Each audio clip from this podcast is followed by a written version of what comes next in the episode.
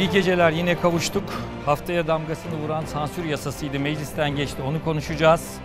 Ee, evdeki yabancı Fox Haber'in ısrarla fikri takip yaptığı evdeki yabancı özellikle E-Devlet'ten girip yabancılarla karşılaşıyoruz bunları konuşacağız. Bir de şimdi partideki yabancı çıktı. Ya, partideki yabancı da bilmeden bazı partilere kayıtlarımız çıkıyor. Bazılarının kayıtları çıkıyor E-Devlet'ten. Buna da değineceğiz. Kemal Kılıçdaroğlu'nun Amerika gezisi vardı buna değineceğiz ama ama gecenin sıcağı da diyebileceğimiz üzü- üzücü bir haberle başlıyoruz. Ee, Bartın'ın Amasra ilçesinde maden ocağında Türkiye Taş Kömürü Kurumu'na ait maden ocağında patlama meydana geldi. Ve maalesef kayıplarımız var. Ee, 110 madenci yer altındaydı patlama sırasında. Ee, 21'i çıkarıldı. Bunlardan 14 madenci yaşamını yitirdi. 3 madenci yaralı ve yoğun bakımda. E, açıklamada 49 madenci kritik bölgede deniyor. Vardiyada 110 madenci var fakat 49'u kritik bölgede deniyor. Acaba kritik bölgedekilerin durumu ne? E, bunu da konuşacağız. Öncelikle yaşamını yitiren 14 madencimize Allah'tan rahmet diliyoruz. Ailelerine başsağlığı diliyoruz. Ve bölgede Fox muhabiri Barış Kaya var ve gazeteci Serkan Girgin var. Serkan Girgin'e bağlanacağız şimdi. Serkan Merhaba, iyi akşamlar. Evet. Ee, iyi akşamlar Serkan. Şu ana kadar sendeki bilgiler ne? Sen, ne, sen e, senden alalım. Evet, Bartın ili Amasra ilçesindeyiz. Amasra Taş Kömürü işletmesindeyiz. Akşam saat 18.40 e, sularında burada bir patlama ihbarı üzerine olay yerine birçok e, itfaiye, ambulans ve e, o anlamda AFAD ekibi yönlendirildi. Üzücü haberi dakikalar sonra aldık. Amasra TTK müessesesinde 110 personelin e, vardiyası sırasında eksi 250-350 kod arasında bir az önce bakanın açıklamasına göre grizzly pot patlaması olduğu ifade ediliyor. Elbette e, bu ifade e, yapılan şu andaki tetkikler doğrultusunda ifade ediliyor. Yaklaşık 5 saat geçti. Burada 5 saatlik süreci açık e, ifade edecek olursak sizlere e, öncelikle Bartın Valisi Sayın Nurtaç Arslan hemen burada bir koordinasyonu ele aldı ve koordinasyondan sonra bir güvenlik şeridi buraya çekildi. Güvenlik şeridinin içerisinde 40 ambulans bekletiliyor. Amasra ilçesinde olduğumuz için il merkezindeki hastaneye sevk anlamında ambulanslar devamlı e, oraya gidiyor ve geri geliyor yine e, buradaki yaralıları almaya. Şunu ifade edelim, e, bariyerin dışarısında aileler var. Yüzlerce kişi şu anda buradaki emekçilerin, maden işçilerin aileleri şu anda bekliyorlar, endişeyle bekliyorlar ve üzücü haberleri almaya başladık. Az önce e, İçişleri Bakanı Sayın Süleyman Soylu e, buradaydı. E, buraya geldi, açıklama yaptı ve Enerji Bakanı yine açıklama yaptı az önce. Burada Fatih Dönmez Beyefendi açıklama yaptı. Şunu ifade edelim. E, 110 vardiya personelinden 49 tanesi riskli bölgede. Yani eksi 250, eksi 350 kotunda e, çalışıyorken bu patlama meydana geldi.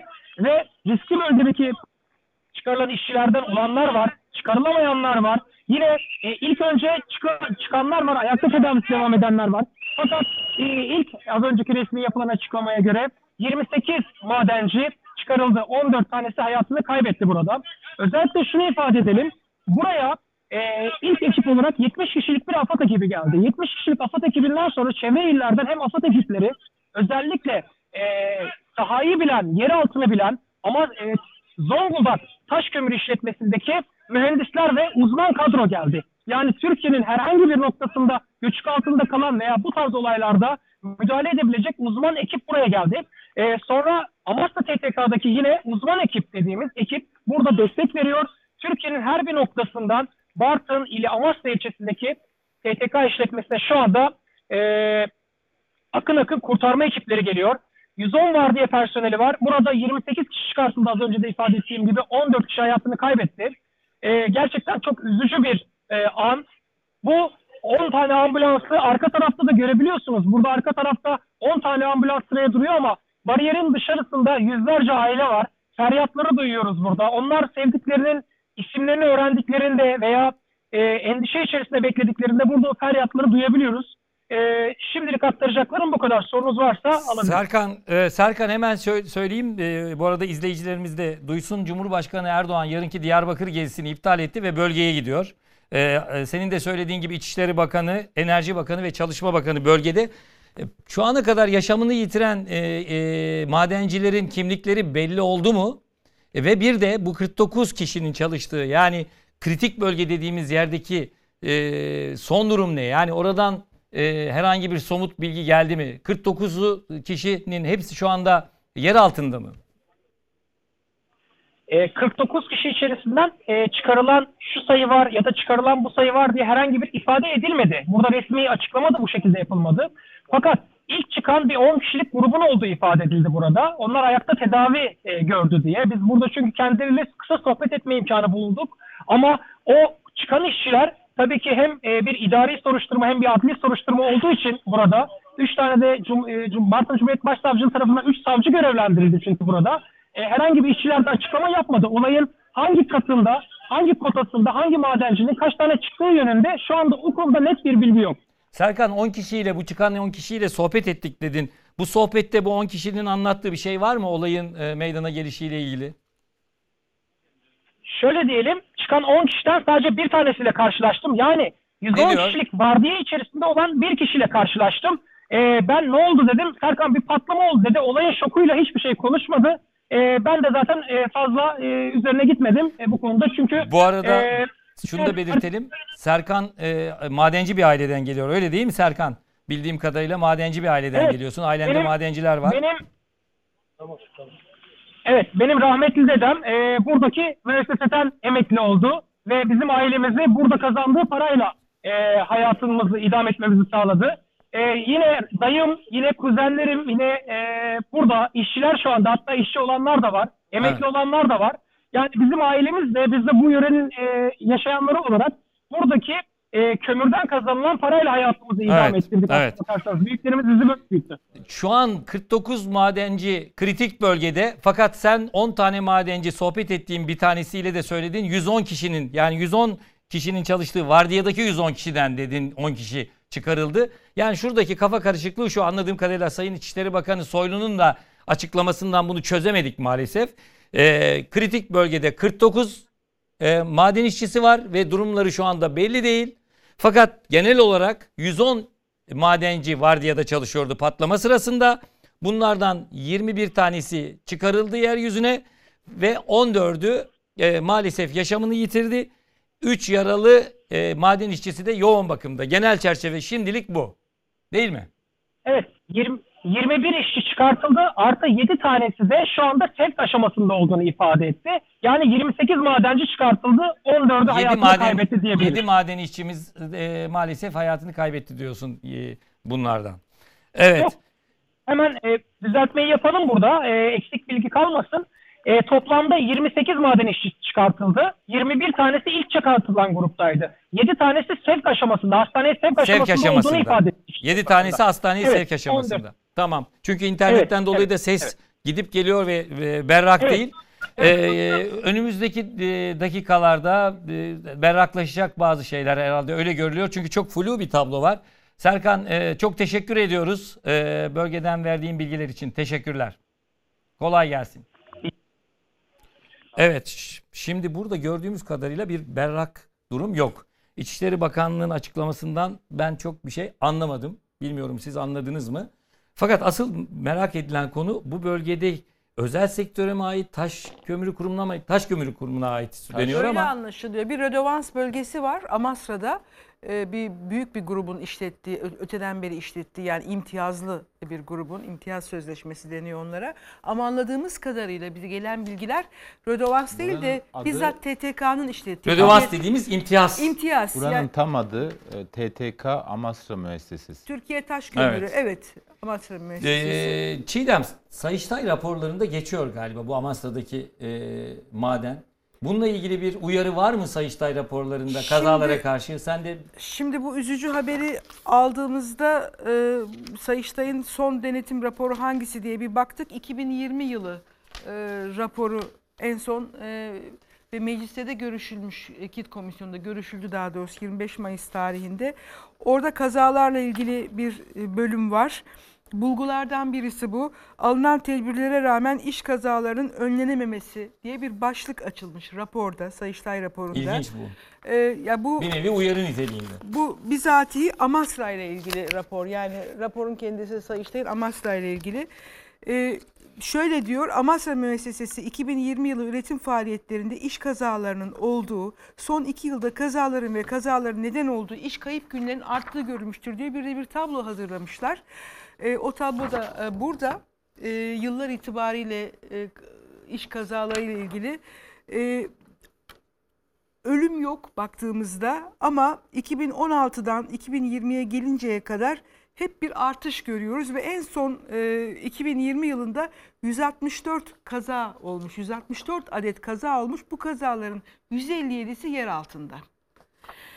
E, Bir nevi Onunla ilgili olarak da bir- uyarıyor ve bir şeycik daha- edin geliyor diyor. Geliyorum Geliyor demiş. diyor. Evet. Kaza demiş geliyorum yani. demiş. Aslında bir biraz sebeplerine de kazalara ilişkin bir analiz de var burada.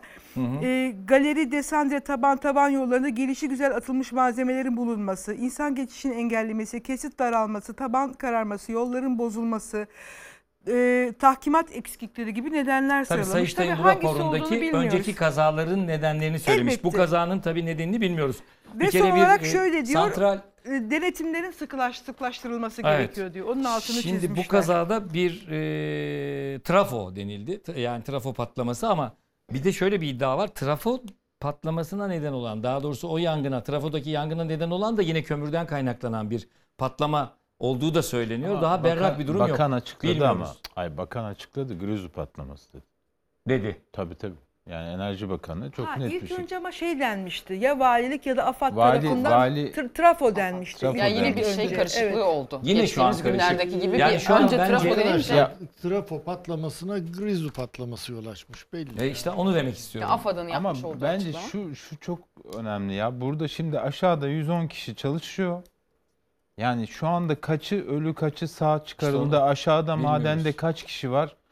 Yaptıkları açıklamadan bu anlaşılmıyor. Yani Hayır, inanılmaz bir şey. Deniz İnanılmaz 49 bir şey. e, 49 madenci kritik bölgede çalışıyor. Toplam 110 madenci vardiyada çalışıyor Tamam. deniyor. Fakat hangisi hangisinde ben belli değil. Ben şöyle anladım. Yani 110 madenciden hani e, 61 tanesi normal bölgelerde olduğu için kendilikleri yani kendiliğinden bir çıktılar. kısmı.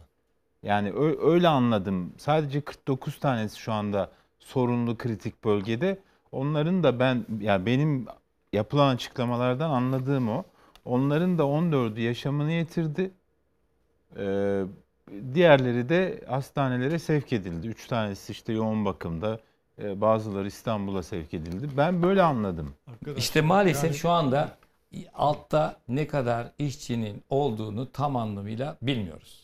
Şu anda berrak değil. Benim bütün bu Ya ben açıklamalardan 3-4 gördüğüm defa okudum. Yani 5 saat geçmiş az önce Serkan'ın da söylediği gibi olayın üzerinden. Yani bakanın açıklamasını 3-4 defa okudum. Hani acaba nerede at, Net a- değil. atlıyoruz? Çiğdem bu arada Sayıştay raporunda eksi 300 e, metreye kadar inildi deniyor bir Sayıştay raporunun bir bölümünde. Grizu riski, e, grizu riski arttı diye bir e, bölüm var. Gördüm ben orada. Onu şeyi paylaşmış. Acaba şey mi? e, Zonguldak Milletvekili Deniz Yavuz Deniz- Yılmaz'ın Den- e, bir evet. Sayın Yavuz Yılmaz'ın bir paylaşımı var. O paylaşım 2019 e, yılı Amasra Sayıştay raporuna ilişkin. Evet. Bir yıl önceki. E, orada onu da hemen şey yapalım. E, Şey sanırım okuyalım. e, şimdi Hazar Dost da paylaşmış Çiğdem Hanım size katkı olarak söylüyorum. Tabii. Gazeteci arkadaşımız 2017 yılında Sayıştay raporunda da bu madenin e, belirtildiğini söylüyor. Türkiye Taş Kömürü'ne bağlı madenin belirtildiğini söylüyor ve diyor ki bu teknik tabiri siz daha iyi bileceksinizdir. E, tersine havalandırma çalışabilecek durumda değil denmiş mesela 2017 yılında yapılan tespitte. Bu madenle ilgili deniyor. Yıllardan tabii sonra yıllar içerisinde bu giderildi mi Belki de bilmiyorum. giderilmiştir. Ama E, daha es- önceki Sayıştay raporlarında da belirt- belirtildiğini yazıyor arkadaşlar. Şeyde Sayın Yavuz Yılmaz'ın tweetinde atıfta bulunduğu TTK 2019 yılı denetim raporunda çalışılan damarlarda gaz içeriklerinin yüksek olduğu, ani gaz degajı ve grizu patlama riskinin arttığı belirtiliyor. Eksi 300 metrelerde. Şimdi Fox muhabiri e, Barış Kaya da bölgede. E, programımızın ilerleyen bölümlerinde net bilgileri ondan da alacağız, bağlanacağız ve e, bu bilgileri devamlı size aktaracağız. E, berraklaşan her şeyi sizinle paylaşacağız diyelim. E, biz bu dün e, dezenformasyon yasası, sansür yasası meclisten geçti. E, yürürlüğe henüz girmiş olsaydı daha resmi gazetede yayınlamadı. Yayınlanmadı. 29. madde yüzünden belki de bu haberi de veremeyecektik. Çünkü bir 29. madde var. Yani ucu açık. Her şeyi sokabilirsin içine. Ee, yani halkı paniğe sevk etmek, ne bileyim yalan haber vermek, berrak olmayan haber vermek, flu haber vermek. Yani amaç orada hapse kadar da yolu var ee, diyecektik. Ee, şimdi bununla ilgili bir klibimiz var. Sonra bunu konuşacağız. Basın temiz toplum için bastırdıkça hükümet de basını bastırmaya çalışıyor. Yazmıyor, yazmıyor. Akşamı bunlar yazmıyor, yazmıyor. Delikanlı e, yazmıyor mu? Yazmıyor abi. ne yazmıyor? Her şey yazmıyor abi. Ver bakayım ne yazmıyor. Buyur abi. Aa, hakikaten yazmıyor. Yazmıyor mu? yazmıyor bak. Yazmıyor, yazmıyor. Ne yazmıyor oğlum? Her şey yazmıyor abi. Ver milliyet. Vereyim abi buyur milliyet. Neden milliyet alıyorsun? Hürriyet alsana nasıl olsa ikisi de yazmıyor. Yıllardır milliyet alırım. Alışmışım bir kere. Ben bunun köşe yazısına hastayım. Bak ne güzel köşe yazısı. Gördün mü? Ne yemek var? Sade suya papara. Ne kadar para bıraktıysan o kadar yemek yaptım hayatım.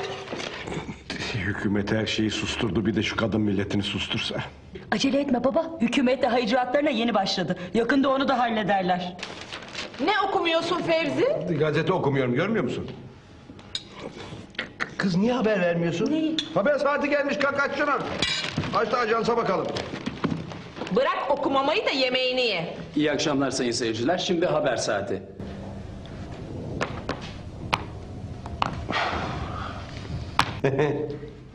ne iyi. Kaza maza yok. Teröristler de bir şey yapmamış. Ee, hayat pahalılığı yok, enflasyon yok. yok oluyor. Ay ne iyi oldu şu sansür yasası. hani bu tabakta çorba niye yok lan? Varmış gibi yap Fevzi. Gazeteyi okuyormuş gibi yapıyorsun. Televizyonu dinliyormuş gibi yapıyorsun da çorbayı neden varmış gibi içmiyorsun? Hı?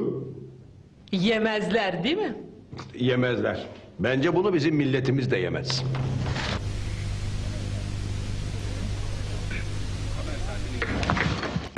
Haber saatini izlediniz. Hoşçakalın. Evet, Levent Kırca'nın 7. ölüm yıl dönümünde onu analım büyük ustayı dedik bu kliple. Ve olacak o kadar televizyonu 1996 yılında yayınlanan skeç ne yazık ki günümüzde de geçerliğini koruyor. AK Parti bu dezenformasyon yasasını, sansür yasasını meclise götürmeden önce Amerikalılarla konuştuğu, Amerikalı uzmanlardan görüş aldığı ortaya çıktı. Meclisten geçirdiler. 40 maddeli bu yasa geçti meclisten. Ondan sonra da bir hatıra fotoğrafı, sansürün hatıra fotoğrafını çektirdiler. Bir izleyelim sonra üzerinde epey konuşacağız. Teklifin tümünü oylarınıza sunuyorum. Kabul edenler, kabul etmeyenler teklif kabul edilmiş ve kanunlaşmıştır. Sizlerin büyük çoğunluğunuzun parti aidiyetiyle bu yasaya evet vermiş olsanız bile iç dünyanızda çok oturtmadığınızı biliyorum. Size acıyorum. Bu yasanın hazırlığında emeği geçen her bir arkadaşım onurludur, haysiyetlidir. Biz gazetecinin bir haber yaptığı için 3 yıl tutuklu yargılanacağı bir düzenin savunusunu nasıl yapabiliriz arkadaşlar? Herhalde Stalin'den esinlendiler. Bu yasa Stalin kafasıdır. Amerikalı ilgililerle bu yasayı ve özellikle 29. maddeyi konuştuk. Amerikan Büyükelçiliği Baş Müşaviri, İç Politika, Uluslararası Politikalar Şefi. Ben de bu yasayı nereden aldı Mahir Bey diyordum. Meğer Amerikalılardan almış. Kutlarım sizi bravo. Onlar bizimle bu yasayı görüşmek istediler. Sonunda şunu söylediler. Bizim dezenformasyon yasamızla sizin yasanız birebir örtüşüyor dediler. Toplantıyı öyle bitirdik. Meğerse yasa Amerika'daki yasanın aynısıymış. Kutlarım sizi. Çalışmışlar, birlikte hazırlamış. Mutlulukla karşıladım. Hiç şaşırtmadınız. ENAK enflasyon rakamı açıklayamayacak. ENAK'ın yetkilileri tutuklu olarak yargılanacaklar ve 3 yıla kadar ceza alabilecekler. Evet sansürün hatıra fotoğrafını çektirdiler. Şu anda da görüyorsunuz Vol'da. Ee, sanki pek çok konuyu halletmişler gibi. Bugün ana haberde de sevgili Selçuk Tepeli de söyledi. İşsizliğe çare buldular. Ee, EYT'liye çare buldular. Emeklinin maaşına çare, çare buldular. Bu gülümseme herhalde ondan. Ama sansür, işte sansürü hallettiler. Onun gülümsemesi. Cumhurbaşkanına yönelik bir fotoğraf gibi duruyor. Tabii daha çok. Cumhurbaşkanına da mesaj. Hallettik sayın. mesaj Fotoğrafı hallettik. Biliyor musunuz? Şu fotoğraf. Hallettik sayın. Yani yüzlerindeki ifadeye bakın. Sanki Afrika'da safariye çıkmışlar. Aslanı vurmuşlar. Ayaklarını da böyle hani batılı e, avcılar gibi aslanın kafasına Aslan koymuşlar. Zafer fotoğrafı çektiriyorlar. Aslan, İnsan- aslan gazeteciler İnsan oluyor? bakarken utanıyor bu fotoğrafa ya. Rezalet. Bu fotoğrafa insan bakarken utanıyor. Rezalet. Aslan biz oluyoruz galiba değil mi? Evet. Gazeteciler. E tabi. O baktığında öyle sosyal medya, gazeteciler. Seçim öncesi milleti susturma operasyonu mu Nevşin? Ee, öyle yorumlanıyor. Bir de detayı söyleyeyim. E, diyor ya işte AK Parti milletvekili bir tane Amerikalılarla görüştük. Bir bakan yardımcısı işte geldi falan diye. Aynı bakan yardımcısı İstanbul'da yalnız basın yayın örgütleriyle de görüştü. Sendikalarla falan da görüşüldü. Yalnız hiç de öyle ya, benim aldığım bilgi aa ne güzel Amerika'daki yasanın aynısı falan diye Ben baktım konuşulmamış. Amerika'daki yasaya. Basın yayın öyle bir- örgütleriyle. Hayır değil ya şeyde Almanya örneğini veriyorlar. Tabii ki orayla da aynı değil. Hayır şunu demek istiyorum. Çok beğendiler yasamızın aynısı dediler diyorlar. Bir dezenformasyon yapıyorlar benim anladığım kadarıyla. Çünkü Vallahi hiç de böyle daha- denmemiş daha yani. açık Gayet söyleyelim. buraya Dezenformasyon tövbe estağfurullah açık yalan. bakıyor. Yani söyledikleri açık yalan. Yani evet. Böyle bir işte- şey yok yani. Evet evet yani bakan yardımcısı bir şey verdikleri doğru fakat aynı bakan yardımcısı basın yayın örgütleri de görüştü. Yani Allah hepinize kolaylık versin bu yasayla denmiş e, benim öğrendiğim kadarıyla. Şimdi tabii dijital medyada özellikle içerik üretenler için e, benim gibi değil mi Murat Bey gibi biz de ne yapacağız bize nasıl dokunacak diye bir yandan bakıyoruz işin içine bir şey koymuşlar. Hani böyle ne derler belki iyi bir şey. E, internet habercilerine eskiden basın kartı verilmiyordu. Şimdi basın kartı alabilecek internet habercileri. Fakat tabii orada da muğlaklıklar var. Biraz uygulamada göreceğiz. İşte internet sitem varsa gidip iletişim başkanlığına kaydolacaksın. Tamam da iletişim başkanlığı uhdesine ve kontrolüne alıyor böylelikle. Basın kartı alabileceksin. Her hep 29. maddeye odaklanıyoruz. Onu da açarız ama ben başka bir şeyin altını çizmek istiyorum. Asıl BTK'ya verilen genişletilmiş yetkiler çok daha çarpıcı. İşte bu mesajlaşma servislerinden, işte başka türlü e, sosyal medya sitelerinden e, kullanıcıların özel bilgilerini saklamasını ve istenmesi halinde BTK ile paylaşılmasını istiyor. Yani Yazış- sen yazışmaları talep Evet. edecek, o da vermek zorunda ben size kalacak, ne evet. yazdım diyelim bizim e, grubumuzda, WhatsApp grubunda ne yazdık? Ver bana kardeşim derse verecek. Bunun uygulaması yok dünyada. Böyle bir şey, e, böyle bir uygulama yok yani yapılmış değil. Bir de tabii bu zaman daha önce eski yasayla şey istemişlerdi. Bu sosyal medya sitelerinin e, Türkiye'de temsilci bulundurmasını istemişlerdi. Sosyal medya siteleri de biraz hani etrafından dolandırıp işte burada küçük bir ofis açtılar. İşte bir avukatlık ofisiyle anlaştı pek çoğu bu şey sansüre girmemek için. Diyor ki yok böyle olmaz. Hem Türkiye Cumhuriyeti vatandaşı olacak temsilciniz hem de burada oturuyor olacak. Burada ofisi olacak. Öyle bir kişi gösterip kaçamazsınız. İstediğim zaman da ben bilgi vereceksin diyor aslında. Hı hı. Bu kısmı belki daha da kritik 29 Vermezsen madde. Şimdi açarız. 29'a gelelim Deniz. Vermezse Şimdi- kapatacak. Şimdi bak, 29'da çok ucu açık dedik ya az önce. Halk arasında endişe, korku ve panik yaratmak e, sahikiyle gerçeğe aykırı bir bilgiyi alenen yayan kimse bir yıldan 3 yıla kadar hapis cezası ile cezalandırır. Her şeyi bunun içine koyabilir. Tabii tabii. Çok muğlak bir ifade. Ama tabii bu şöyle olacak. Yani AK Parti'nin AK Parti döneminde avukatlıktan geçmiş işte siyasi referansla hakim savcı olmuş insanlar ona göre davranacak. Sayın Cumhurbaşkanı çıkacak diyecek ki bunlar camilerimizi yaktılar. Bundan daha büyük bir dezenformasyon olur mu? Bir kesimi halkın bir kesimini gösterecek. Bunlar camilerimizi yaktılar diyecek. Yani halkın kutsallarına saldırdılar diyecek halkın geri kalan kısmını da onları e, hedef haline getirmesine neden olacak. Ama bu dezenformasyon sayılmayacak. Ama işte şöyle bir bilgi mesela enflasyon e, ya da bir yolsuzluk tespit ettin. Bir yolsuzluğu ortaya çıkardın. Twitter'da onun belgelerini paylaştın. Anında işte bu dezenformasyondur, bu belge şöyledir, böyledir diye erişim engeli getirecek, içerik çıkartma cezası Hapis getirecek. cezası verecek, Paylaşana da 3 yıla kadar hapis cezası verecek. Yani gazetecilik faaliyetini şimdi zaten konvansiyonel medya yani gazeteleri, televizyonları büyük ölçüde basın ilan kurumuyla, Rütük'le vesaire denetim altına almışlardı.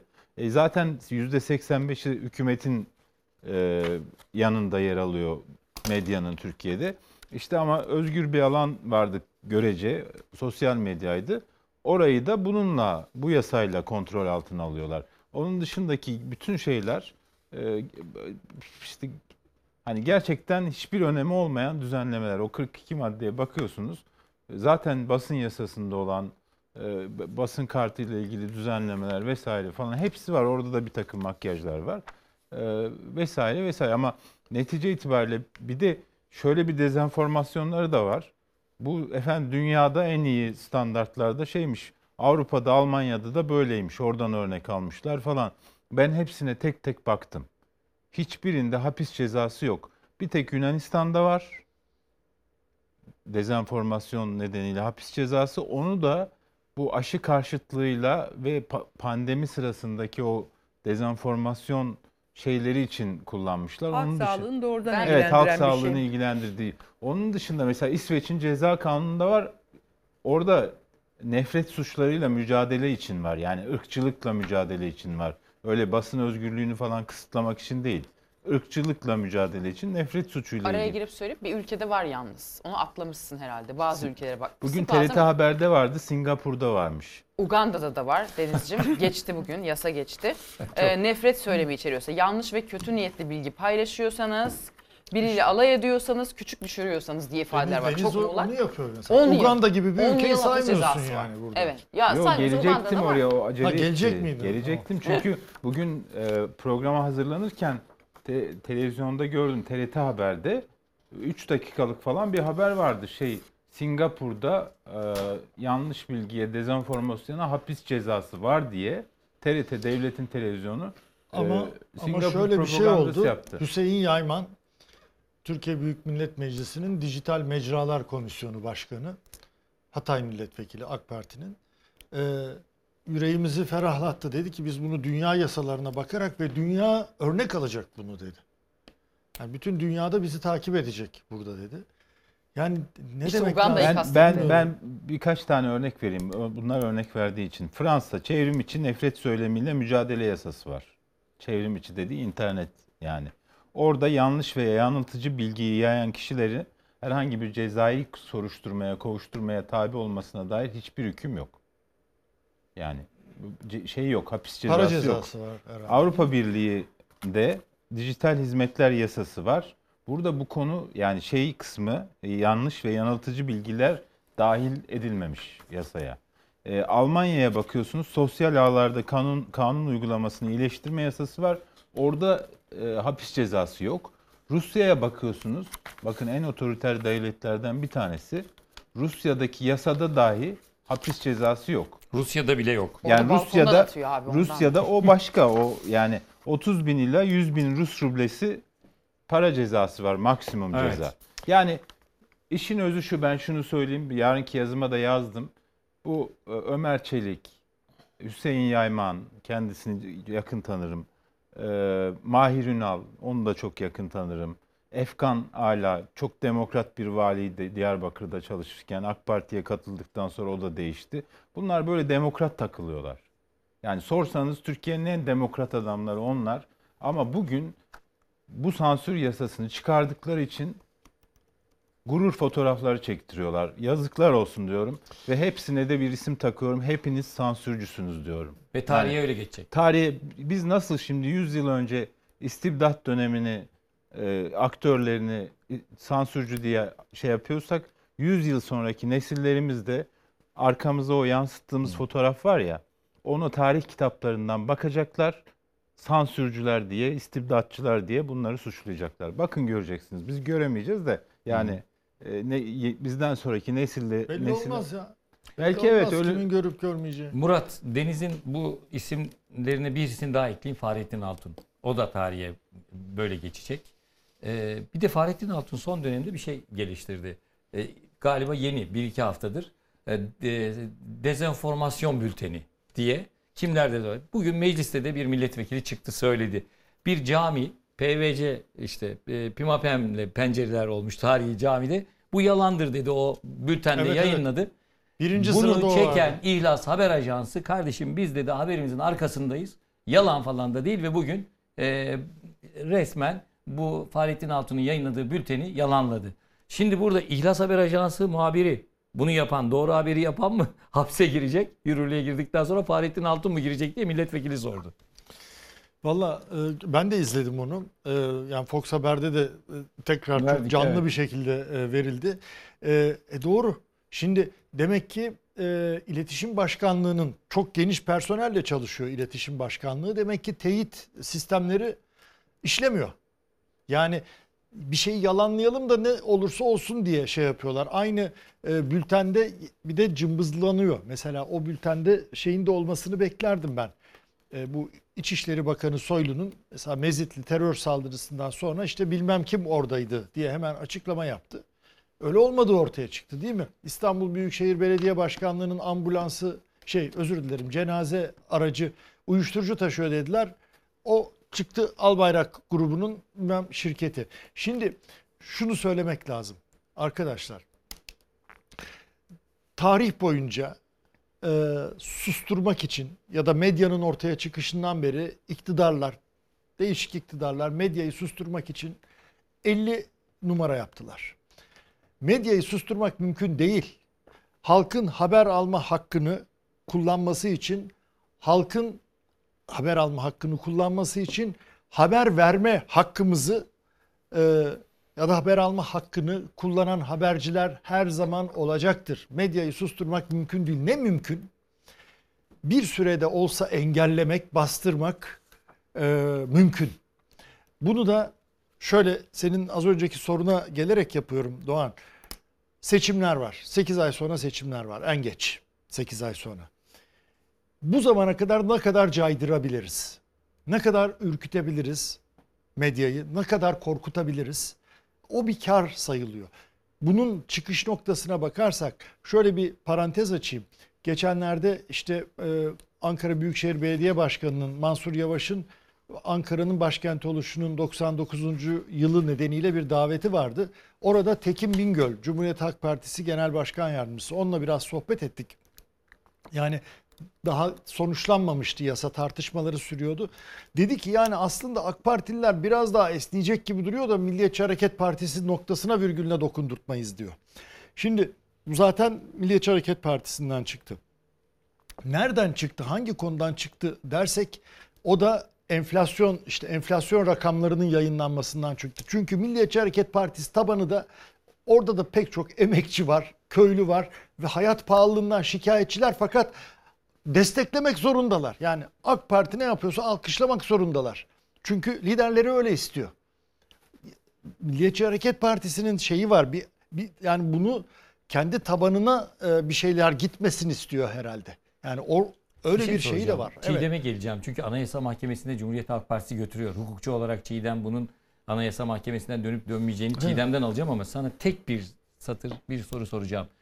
Ee, MHP özellikle bu sansür yasasında, dezenformasyon yasasında çok ısrar etti. Evet. Çok hatta AK Partili vekiller birazcık böyle kafa karışıklığı yaşandı. Bir Evet. oturuma girmediler. Sonra yukarıdan talimat geldi, verdiler. Şimdi işte mesaj verdiler e, şeye e, Beştepe'ye ve fotoğrafı çektirdiler. Sedat Peker meselesi bunda etkili olmuş olabilir. Ee, çok büyük ihtimalle etkili olmuştur. Çünkü sarsıyor. Yani şimdi en son söylediklerinde e, baksanıza e, Cumhurbaşkanlığından danışmanlar istifa etti ya. Yani evet ha o gurur tablosu fotoğrafında sansür fotoğrafında Zehra Taşkesenlioğlu da vardı. Hani onu unuttuk zannetmesinler. Evet. Yani örtbas ettiler de o olayı Evet. unuttuk zannetmesinler. Çünkü bunlar e, herhangi bir durumda bugün değil yarın ortaya çıkacaktır. Mahkemelere daha e, özgür çalışan mahkemelere yansıyacaktır. Yansıyacaktır. Çiğdem ne diyorsun? Aynı zamanda bir hukukçusun. Anayasa Mahkemesi. Bu bir anayasaya aykırı olay. Yani bunu hukukçu Evet. olmaya gerek yok. Şu anda anayasaya Hukukçu olmaya gerçekten anayasa gerek aykırı. yok. Ama Anayasa Mahkemesi'nin işleyişine bir hukukçu olarak sence bu işleyiş nasıl yansır? Vallahi Geri anayasa, döner mi bu iş? Anayasa Mahkemesi bunu hemen iptal eder diyebilmeyi çok isterdim. Ee, bunu söyleyemiyorum. Ee, Anayasa Mahkemesi'nin de anayasaya uygun ve bizi e, yani hakkaniyetli ve bizim için bizi rahatlatacak, doğrusunu şey yapacak bir karar verebileceğinden çok emin değilim. Ee, neden? Çünkü e, bu düzen ve bütün kurumları olduğu gibi Anayasa Mahkemesi'ni de yeniden tasarladı, tahkim etti. Ee, bu çerçevede Murat'ın şu medya ve gazetecilik ve hakikatin ortaya çıkması ile ilgili söylediklerine de birazcık ek e, yapmak istiyorum. Yani iktidar güçlenmeye başladığı yıllardan itibaren kendi medyasını yaratma yolunda çok güçlü ve önemli adımlar attı. Bunun için de kamu kaynaklarını kamu bankalarının fonlarını kullandı. 2008'de Sabah ATV, 2013 yılında o zaman benim içinde yer aldığım Çukurova grubu gazeteler ve televizyonlar. 2018 işte Doğan Medya grubu Demirören'e geçti. Bunların çoğunda kamu kaynakları kullanıldı. Yetmiyor işte. Yetmiyor şimdi de internet medyası ve sosyal medya. Yani ne yaparsa yapsın, kendi medyasını ne kadar inşa ederse etsin, tahkim ederse etsin, bunun için kaynakları seferber ed- ederse etsin e, olmuyor. Yani mutlaka bir şekilde yurttaş gazeteciliği oluyor. Sosyal medyadan bir zamanlar organize suç örgütü lideri denilen Sedat Peker çıkıyor Dubai'den yayınlar yapıyor. E, zor bir dönem geçireceğiz ama bu bizim gazeteciliğimize engel olmayacak. Bu mesajı da e, vermek Sen, gerekiyor. e, Hep böyle 3C'den şey yaparsın yolsuzluk, yoksulluk vesaire falan.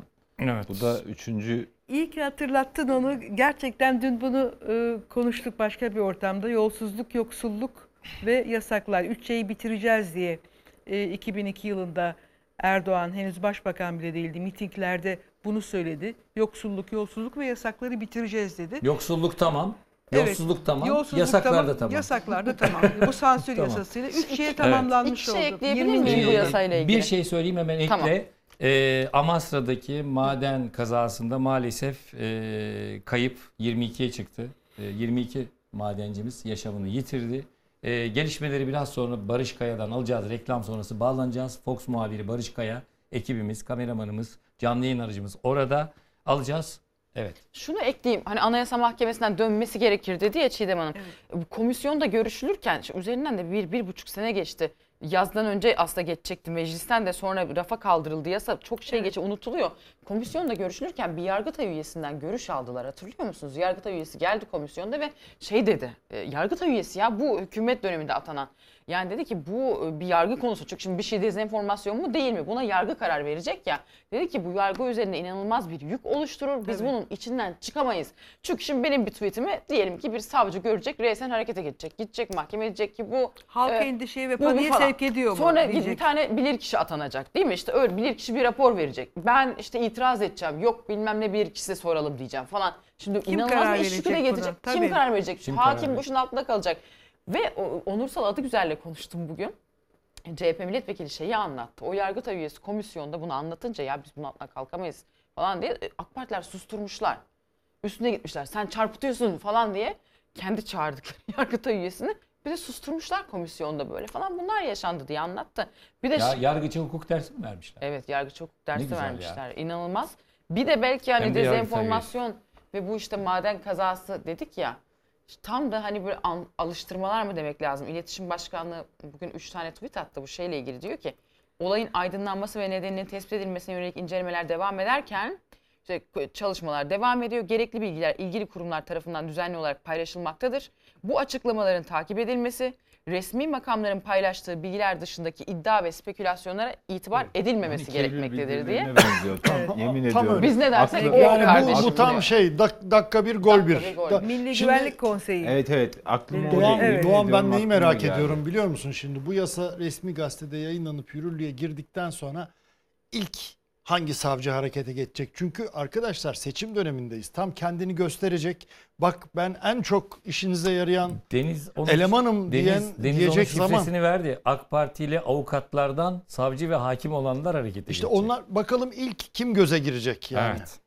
İlk ben bayrağı diktim Ya bu arada, basın burcuna e, kim diyecek? Şeyi acaba? de paylaşmakta fayda var. Sağlık Bakanı'nın tweetini. E, yaralılardan 8'i yoğun bakımda, 4'ü serviste tedavi görüyor. 5 yaralı alanda kurulan acil müdahale merkezinde, 2 ambulans uçak yoğun bakımdaki hastalardan birini Ankara'ya, 5'ini ise Başakşehir Çam ve Sakura Hastanesi yanık merkezine ulaştırmak üzere harekete geçti. Buradan anladığım kadarıyla 6 yaralı İstanbul ve Ankara'ya sevk edilmiş. merkezi. 8 yoğun bakım yaralısı var. Ee, 11 e, ser- normal ayaktan serviste tedavi edilen var. Yani 19 yaralı, 6 da o, 25 yaralı var anladığım kadarıyla. Deniz bölgede 22 de devamlı o 49 e, ki, e, madencinin olduğu yer kritik bölgeden ne kadar çıktı ne oldu? Şimdi birazdan Yok, zaten şimdi Barış yani- söyleyecek ama çok karmaşık bir durum. şöyle bir tablo Ama, var e, benim gördüğüm. yaşamını 22 yitirenlerin sayısı 22 yükseliyor. madencimizi kaybetmişiz. Şu ana kadar. 25 de yaralı var gördüğüm ana kadar. kadarıyla 47 yani şu ana kadar 47 110 demişlerdi. Diğerlerinin akıbeti hakkında umarım bir açıklama yaparlar. Yani e, Zor da tabii 300 250 300 metrede çalışılıyor. Ee, Yani çok orada önemli olan şu değil. zor ama Murat şunu yapmaları lazım. Biraz sonra Barış'a da soracağız onu ama 110 madenci vardiyada çalışıyor. Bunun 49'u kritik bölgede yani riskli bölgede. Şimdi o riskli bölgedeki 49 maden işçimizin kaçı şu anda Belli ne- değil. belli değil. Belli değil. İşte orayı berraklaştırmaları lazım. Birazdan da şey yapacağız. Yani Deniz Sağlık Bakanı'nın tweet'i önemli dediğin ama e, ne kadar artacak daha nereye kadar bu iş varacak onu göreceğiz. ya işte ben de onu İnşallah anlatmak için diyorum. Burada kalır Şimdi böyle biter. 49 riskli bölge var, 61 de riskli olmayan bölge Evet. var. Acaba mesela o 61 kişi çıktı mı yoksa Evet, pat- evet, pa- evet. patlamadan etkilendi Birazdan mi? Barış Kaya'ya bağlanacağız reklam sonrası. Bütün bilgileri Fox muhabiri Barış Kaya'dan alacağız. Bölgede ekibimiz var. Şimdi gelelim evdeki yabancılara. Şu sıralarda E-Devlet'e girdiğimizde böyle bir yabancılık hissine kapılıyoruz. Yani evden yabancılar çıkıyor. Pek çok yerden. Müthiş. Fox bunun öncülüğünü yaptı. Beril Ankara'dan başlattı. Önce kendisiyle başladı bu olay. Ondan sonra çığ gibi büyüdü. Ee, ve giderek şey yapıyor. Yani müthiş bir şey bu. Ee, ben, bana göre yani e, son dönemdeki en önemli haberlerden biri Beril'i de kutluyoruz. Büyük bir habercilik başarısı. Tebrikler. Ee, ama İçişleri Bakanı'na her seferinde sorduğumuzda yanıt alamıyoruz. Yani berrak bir yanıt alamıyoruz. Kafamız karışıyor. Ee, en son Fox Haber muhabiri Fırat sordu. Ee, canım benim dedi. Bir de böyle okşadı. Olacak Geçti. iş değil. Olacak iş değil. Olacak iş Şimdi bir izleyelim Çok neler oldu. Sonra üzerine konuşalım. 8 katlı bir bina, 16 daireli. Her daireye bir tane yabancı yerleştirilmiş. Ne amaç nedir? Bir vatandaş olarak soruyorum. Bırakın muhtarlığı. Adreslerimizin çalınma hikayesi nereye kadar devam edecek? Erniyanti Erniyanti diye birisi kayıtlı. Öyle gözüküyor. Yani hangi amaca hizmet ediyor bunu buraya kaydedenler? Sormak lazım. Adresle kayıtlı yabancılarla ilgili Canım benim. Örneğin İstanbul'da yeni bir binada bütün dairelerde yabancılar kayıtlı çıktı. Seçim olabilir, e, sığınmacılar yerleştirme olabilir. Yani her şey insan aklına geliyor. Her daireye kasıtlı olarak tarih değişikliği de yapılarak sanki girilmiş. Yani adlarını bile okuyamıyorum hiç açıkçası. Yani kimdir bunlar, nedir, hangi uyruktur? E burası yarım halde tamam bir bina. İskanı bile yok. Hani biz içine geçelim desek elektrik su bağlatamayız buraya. Devlet bile gelip size hizmet vermez ki. Hani bana hizmet vermezken başkasına mı hizmet verecek onu da bilmiyorum. Ne karşılığı veriyor onu da bilmiyorum. 200 kişinin beyan eksikliğinden kaynaklanan. Yani orada oturuyormuş, oradan bir başka yere geçmiş ama oradaki kaydını almamış. Eski bir şey burada olamaz. 5 sene süren binada nasıl insan gözükebilir ben anlayamıyorum yani. Yapım aşamasında kapısı bile yok. Nereden girileceği belli olmayan bir bina şu anda karşımızdaki. Dış güç dış güç diyorlar al işte sana dış güç. Yani Türk milleti kendi kaderine karar veremeyecek herhalde. İki kişi oturduğumuz evde bizle beraber toplam 20 kişinin olduğunu gördüm. Bu benim için bayağı şaşırtıcı oldu. Devletin yürüttüğü işlerde böyle sıkıntılar ortaya çıkarsa biz kime güven duyacağız? Adresle kayıtlı yabancılarla ilgili Canım benim. Örneğin İstanbul'da yeni bir binada bütün dairelerde yabancılar kayıtlı çıktı. Olay zaten skandal. İçişleri Bakanı'nın verdiği yanıt daha da skandal. Evet, siz muhabir arkadaşa yaptığı Ya da anlamadım ben. bir Taciz. şey. Taciz. Evet. Çok acayip bir şey yani. Ve ısrarla muhabirimiz de Normalde soruyu devam dava ettirdi. açsa kazanır yani. Evet, rahatsız Soruyu devam edici. ettirdi. Israrla. O da tebrik edilmesi gereken. Soruyu soğukkanlılığını Evet. bozmadı. Ee, Fırat arkadaşımız devam ettirdi. Fakat e, Deniz haklı. Normal bir ülkede e, dava açar ve kazanır. Aynen. Taciz Kesinlikle. davası açar Hayır ve bir de kazanır. bu şeyi de aslında bak bu dezenformasyon yasasının mantığını falan da bak bir, bir fiziksel bir harekette anlamak ne kadar mümkün. Çünkü siyasiler gazetecileri kendilerini eşit olarak görmüyorlar. Sanki böyle orada hani Tepeden. işte akıllı ol canım benim falan diye hani anlatabiliyor kendisinden Orada böyle aşağıda bir tehdit mesajı da var. var. o hareketin. ya halbuki siyasetçiler hesap vermek konumunda olan kişiler. Kamuoyu adına hesap soran kişiler de gazeteciler. Orada bir altlık üstlük değil eşitlik söz konusu. Hiyerarşi kuruyor orada. Evet ve ki bu, bu kesinlikle işte ama tam da Bir- buradan kaynaklanıyor yani. İster bakan olun, ister cumhurbaşkanı olun hiç kimseye hiç kimse başka bir insana böyle temas etmek, Dokunamaz, dokunmak isteği dışında vesaire falan dokunamaz. hani canım benim benimi bir kenara bırak. Çenesinin altına dokunacak, orada böyle şey alacak falan. Ve bu şimdi eminim şey der sevgi gösterisi falan da çok sevgiyle bakmadığı da e, Aşikar. anlaşılıyor yani. Bu yani bu temas bile başlı başına bence. Çok sorunlu bir durum. Evet. 31 e, İstanbul'un orta yerinde biri 31 diğeri 16 daireli iki apartman yabancılarla dolu. diyor ki e, şeyini bilgilerini taşımayan diyor. Çok sıkışınca canım benim diyor. Ya Bakanın, ortada bir bakanın skandal bu var. bir konuyla ilgili artık. yaptığı izahatla Cumhurbaşkanlığı İletişim Merkezi'nin CİMER'in bir vatandaşın başvurusuna yaptı, verdiği yanıt arasında uçurum var. Sayın Bakan'ın verdiği izahat olayla hiçbir şekilde örtüşmüyor.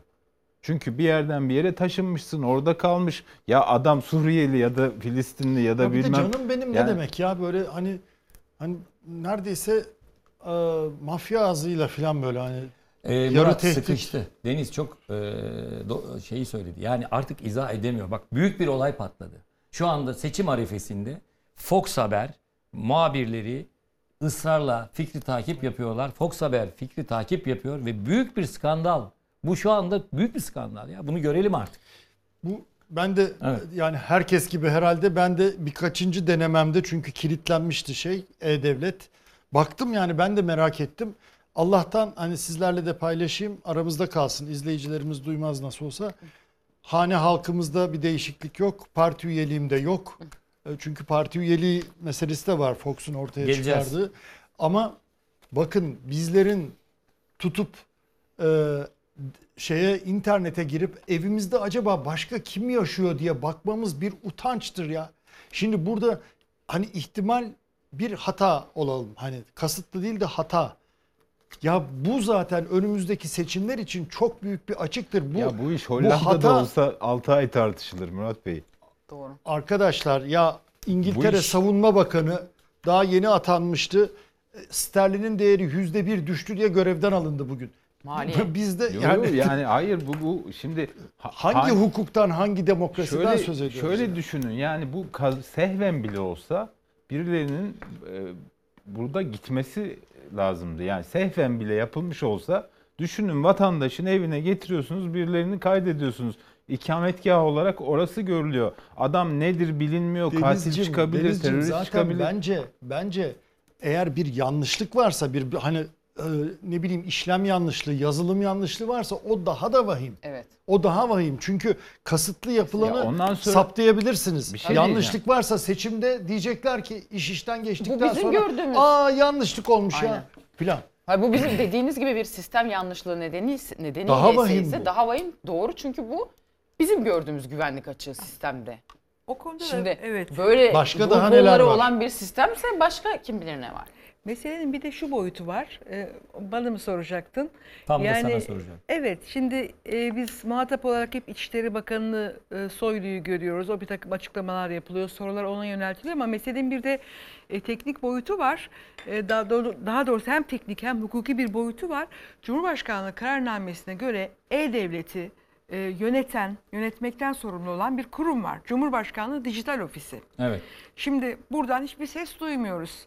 Bir de bunu sistemini e, geliştirip yürüten bir e, şirket var. Kamus, kamusal bir şirket. O da TürkSat AŞ. Şimdi e, Cumhurbaşkanlığı Dijital Ofis'in başındaki kişi aynı zamanda TürkSat'ın yönetim kurulunda. TürkSat'ın yönetim kurulunda Kim Cumhur... ismini? E, Söyleyelim de bilinsin yani.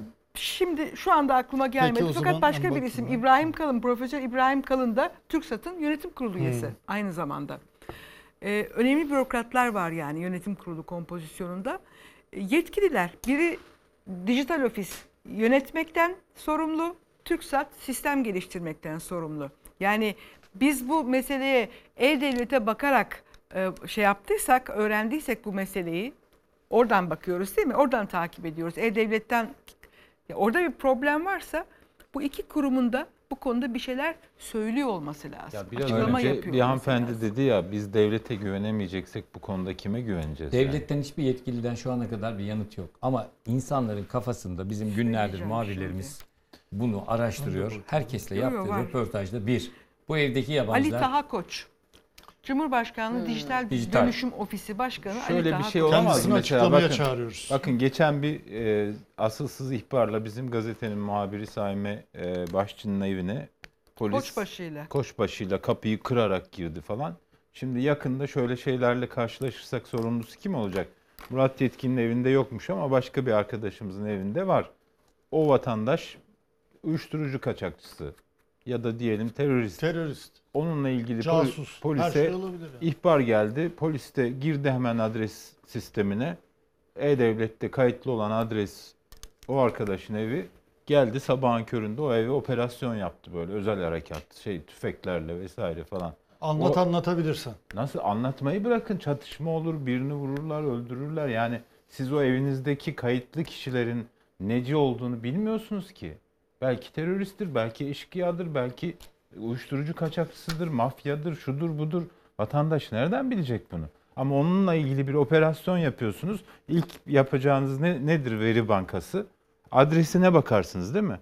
Adresi tespit edersiniz. Evet şeyde burada şu adres kayıtlı. Oraya operasyon yaparsınız. E onun şeylerini kim ödeyecek? Yani hesabını kim verecek? Böyle, böyle çarpık bir şey. Ben, bu, Canım benim. ben iddia ediyorum e, dünyanın herhangi bir medeni ülkesinde bu iş olsa skandal diye böyle e, günlerce manşetlerde kalırdı ve bir, bir bazı yöneticilerin ri koltuğundan ederdi. Kesinlikle. Yani hiçbir devletin az önce de söylediğim resmi ağzından bir yanıt yok. Zaten veremiyorlar. İçişleri Bakanı sıkış, sıkıştığı için canım benim diyor. Ee, burada önemli vatandaşın en çok merak ettiği soru bu evdeki yabancılar oy kullanabilecek mi Çiğdem? Onu soracaktım sana. Ev, oy kullanacak mı? Seçim öncesinde meydana gelen bir olay bu. Bunu nasıl açıklayacaksınız? Vallahi bu konuda galiba böyle yavaş yavaş aslında yetki alanı genişliyor. Demin iki kurumun adını zikrettim. Mesela Yüksek Seçim Kurulu'nda bu konuda çıkıp bir şey söylemesi gerekiyor. Öyle değil mi? Yani Evet. bunlar seçmen mi, değil mi, oy kullanacaklar mı? Ee, Birçok birçok kurumun e, sorumluluk sahasına giren çok tuhaf, çok sıra dışı bir olayla karşı karşıyayız. Bu arada e, Çiğdem söylediğinle ilgili bir eski bir bürokrat e, mesaj yazmış. Diyor ki E-Devlet'te veri tutulmaz. E, verinin sorumlusu nüfus idaresidir. E-Devlet sadece köprü olur. Nüfus Dolayısıyla İdaresi İçişleri Bakanlığı'na bağlı. evet dolayısıyla bu işin sorumlusu E-Devlet değil e, nüfus e, idaresidir diyor. Yani E-Devlet size sadece vatandaşa oraya ulaşmanız için bir köprü sunuyor. Anladım da hani biz bir teknik bir şey olabilir diyoruz, bir yazılım Yok, problemi yok. olabilir diyoruz, bir kaçak olabilir. Hayır bunlar şeyde akla gelen sorular. Konuşuluyor bunlar Yo, yani. haklısın ama yani bir bu şey işi bilen diye. bir bürokrat diyor ki bunun sorumlusu nüfus işleridir. Yani E-Devlet sadece vatandaşa nüfus işlerinin veri bankasına ulaşmak için bir kapı aralar diyor. Yani orada da bir sıkıntı yok. Giriyorsunuz, ulaşıyorsunuz. Esas sorun diyor nüfus işleri müdürlüğü. Nüfus ve vatandaşlık işleri genel Evet, müdürlüğü. şimdi arkadaşlar İçişleri bir, Bakanlığı bir yani. ara vereceğiz. Ondan sonra kesintisiz devam edeceğiz her zaman olduğu gibi. Biz reklamdayken ben- E-Devlet'e girin. Ee, sadece evinizde yabancı var mı yok mu diye bakmayın. Bir de bir partiye üye misiniz? Bilmediğiniz bir şekilde üye mi oldunuz? Hangi partiye üye? Şaşıracağınız bir durum var mı? Çünkü bir de partideki yabancı diye bir şey var. Yine Fox Haber çıkardı bunu. Günlerdir iki skandalı işliyoruz. Ee, toplumda da müthiş bir e, endişe yarattı bu. E, endişe yarattı demeyelim. Biz şimdi 29. maddeden yine e, yürürlüğe girer Merak içeri. Merak uyandırdı. İnfial Evet. Buna bakacağız. Bir de tabii bir e, Cumhurbaşkanı e, Cem Evlerini Kültür Bakanlığı'na bağlı bir yapılanmayla e, yapılacağını söyledi ve Alevi vatandaşlarımızdan bayağı tepki gördü. Fakat iktidarın ortağı Cumhur İttifakı'nın lideri Devlet Bahçeli cemevleri ibadethanedir diyerek bir çıkış yaptı. Yani tamamen Cumhurbaşkanı'nın e, karşısında tersine bir demeç verdi. Bunu biraz bunun alt metnini biraz e, analiz etmemiz lazım. Buna bakacağız E, ve tabii ki endişeli bekleyiş Amasra'da sürüyor. E, maden e, faciasında E, Barış Kaya orada E, dönüşte Barış Kaya'ya da bağlanıp son durumu alacağız. Bizden ayrılmayın.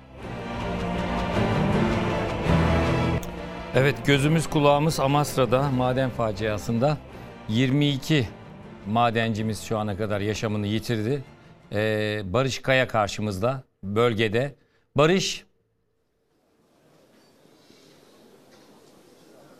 Barış duyabiliyor musun beni? Barış? Duyuyorum. Evet. Endişeli bekleyiş sürüyor. Son bilgileri Duyuyorum senden alalım.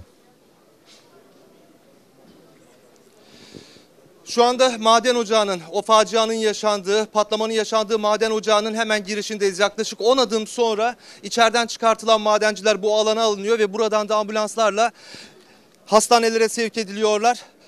Yaklaşık 6 saat geçti patlamanın üzerinden ve ilerleyen saatlerde tabii o acı haberler gelmeye başladı. Hayatını kaybeden madenci sayısı 22'ye yükseldi ve şu anda madenciler arkadaşlarını içerideki o patlamanın olduğu noktadan o galerilerden çıkartmak için canla başla çalışıyorlar. Dışarıdaysa sağlık ekipleri var. Berkcan Tuğ gösteriyor şimdi sizlere. Hem arama kurtarma ekipleri hem e, emniyet mensupları hem de sağlık görevlileri dışarıdan içeriden gelebilecek yaralıları hemen hastanelere sevk etmek için burada önlem almış durumda. Bizim bulunduğumuz yer biraz önce de söylediğim gibi asansörün yanı. Tabii asansörden bahsetmedim ama şimdi Berkcan'a söyleyeceğim. Dönecek. Orada bir asansör var. Asansörü görüyorsunuz. Maden ocağının o eksi 300 kotuna inen ve 350 kota inen bir asansörden bahsediyoruz ve tek giriş noktası var. İşte o da burası. İçerideki madenciler bu asansör yoluyla yukarıya çıkartılıyor ve burada ilk müdahaleleri yapıldıktan sonra da hastanelere sevk ediliyorlar. Tabii yaralılar çıkartıldı. Bizim buraya geldiğimiz andan itibaren e, 49 özellikle 49 madencinin sıkıntılı bölgede olduğunu söylemişti İçişleri Bakanı. O açıklamadan sonra bizim buraya geldiğimiz dakikadan sonra yaklaşık 4-5 madenciyi daha yine kurtardı. Madenci arkadaşları özellikle de içeride çalışan, arama kurtarma çalışan, kurtarma ekiplerinde çalışan madenciler bu bölgede ve patlama üzerine deneyimli ve içeride göçük göçükten göçükten yaralı çıkartma konusunda deneyimli ekipten oluşuyor ve şimdi yükselen sesler var tabii ben de ne olduğunu anlamaya çalışıyorum. Ee, yine asansör devreye girecek ve aşağı doğru indirilecek asansör daha sonra da içerideki yine ulaşılabildik ulaşabildikleri madencileri yukarıya çıkartmaya devam edecekler. Sağlık ekiplerinin bekleyişi sürüyor. Umutlu bekleyiş sürüyor. Tabii yakınları da var burada madencilerin. İçeride eşi, kardeşi, arkadaşı olanlar var. Onlar da umutlu bir haber beklemeye başlıyorlar burada. Dolayısıyla tabii o umut hiçbir zaman tükenmiyor. Çünkü içeriden çıkartılan madencilerin pek çoğu yaralı olarak hastaneye sevk edildi ve dolayısıyla yaralıların hala hastanelere sevk edildiğini biliyoruz. Ee, tek umudumuz içeriden yeni bir can kaybı haberi gelmesin. Ee, gelişmeleri de aktarmaya devam edeceğiz Doğan Şentürk. Barış madenci aileleriyle konuşabildin mi? Ne söylediler sana? Bir, bir, bir diyalog oldu mu aranızda?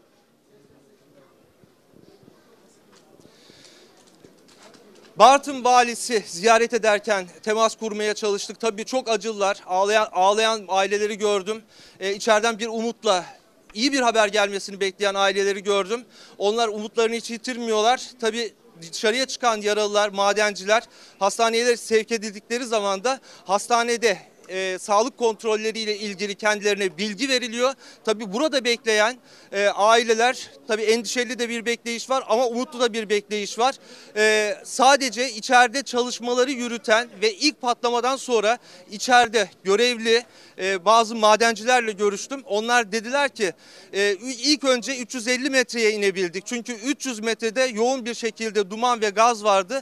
İlk çıkarttığımız madenciler 350 eksi 350 koddaki madenciler oldu. Onları yaralı çıkarttık dediler. Daha sonrasında 300.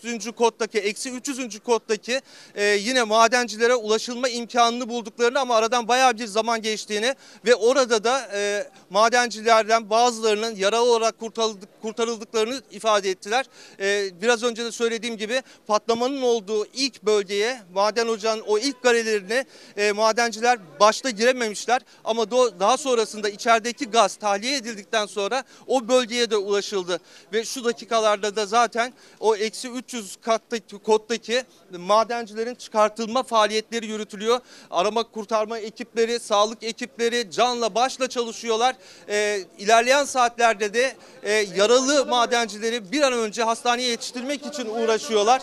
Şimdi emniyet güçleri de buradaki kontrolleri yapıyor ve içeriden çıkartılacak yaralılara yer açmak için e, bir koridor oluşturuyorlar. Şimdi asansör yukarıya çıktı. Yine bir asansör geldi. İçeriden madencilerin çıktığını görüyorum. Berkcan Tuğ size o görüntüleri iletiyor. İçerideki çalışan madenciler işte o eksi 300 kota kadar, 350 kota kadar inen madenciler şimdi oradaki arkadaşlarını kurtarmak için canla başla çalışan e, tahliye ekibindeki ve burada bu faaliyetleri yürüten deneyimli ekip onlar maden ocağından şimdi çıktılar. E, bir yandan da aslında içerideki kurtarma, göçükteki madencileri kurtarma faaliyetleri yürütülürken e, içeride yoğun bir şekilde gaz olduğunu da biliyoruz. Hatta bizim bulunduğumuz noktada hal- hala o gazın kokusunu alabiliyoruz. E, şimdi mesela bir madenci e, işte o kömür karasını gördük yüzünde. Dolayısıyla içerideki çalışmalardan sonra sanırım o gazdan etkilendi. Şimdi sağlık ekipleri işte bu çadırın içerisine aldılar. Orada bir tedavi uygulayacaklar. Biz tekrar o tarafa döndüğümüzde aslında içeriden çıkartılacak madencilerin bu yol, bu kanal üzerinden ambulanslara taşındığını görüyoruz. Şimdi işte yukarıya çıkan yine bir e, asansör var. O çıkan asansörlerden yine madencilerin indiğini görüyorum. Dönüşümlü çalışıyor madenciler. İşte yine içeride arama kurtarma faaliyetlerine katılan bir maden işçisi. Barış duyabiliyor Yine musun? Elinde yüzünde o kömür karasının, kömür tozunun izleri. Duyuyorum Doğan Şentürk. Ee, Barış şu anda e, e, güzel umut verici görüntüler gibi geliyor bana. Sağ kurtulanlar var ve hemen tedavi altına alınanlar. Ee, umarım bundan sonra hep böyle olur. Bir şeyi merak ediyoruz. Madencilerin koruma şapkalarında çip varmış ve buralardan özellikle yer altındakilerin hareketli ve hareketsiz olarak ayırt edebiliyorlarmış. Böyle bir bilgi geldi mi? Yani o bir umut ışığı olabilir mi? Gelen bir görüntü ya da yetkililerden aldığım böyle bir izlenim var mı? Birkaç kişiye sordum. Aslında böyle bir çipin olduğunu söylediler. Yani e, orada hareket halindeki madencileri tespit edebildikleri bir takip sisteminden bahsettiler. Ama o takip sisteminin içerideki patlamadan sonra e, ne kadar sağlıklı çalışıp çalışmadığı noktasında da bazı endişeler olduğunu ifade ettiler. Ama tabii o takip cihazıyla alakalı içeride o hareketi ilk hareketleri de e, o sinyallerden aldıklarını ifade ettiler.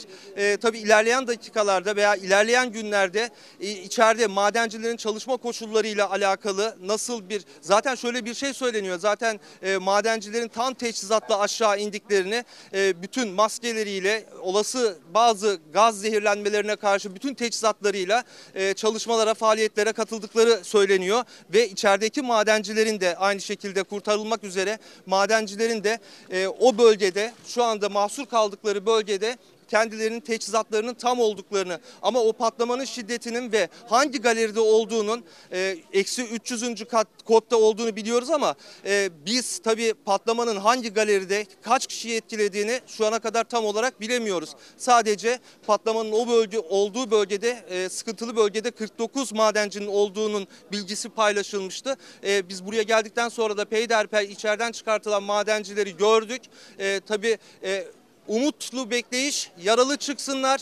Ee, tabii gazdan da zehirlenip çıkanlar var ama bunlar hastaneye yetiştirildikten sonra hayatta kalıyorlar. Dolayısıyla ne kadar hızlı bir mücadele, e, hızlı bir müdahale olursa madencileri dışarıya çıkartmak için ne kadar hızlı hareket edilirse o kadar iyi. O yüzden de zaten e, ilk kurtarma çalışmalarına e, kendi madenci arkadaşları ve bu konuda deneyimli olan madenciler iniyorlar. Çünkü onlar her, herhangi bir göçükte patlayı, patlama anında e, bir yaşanan sıkıntıda içerideki gaz sızıntılarına karşı yaşanan sıkıntıda deneyimli bir ekip.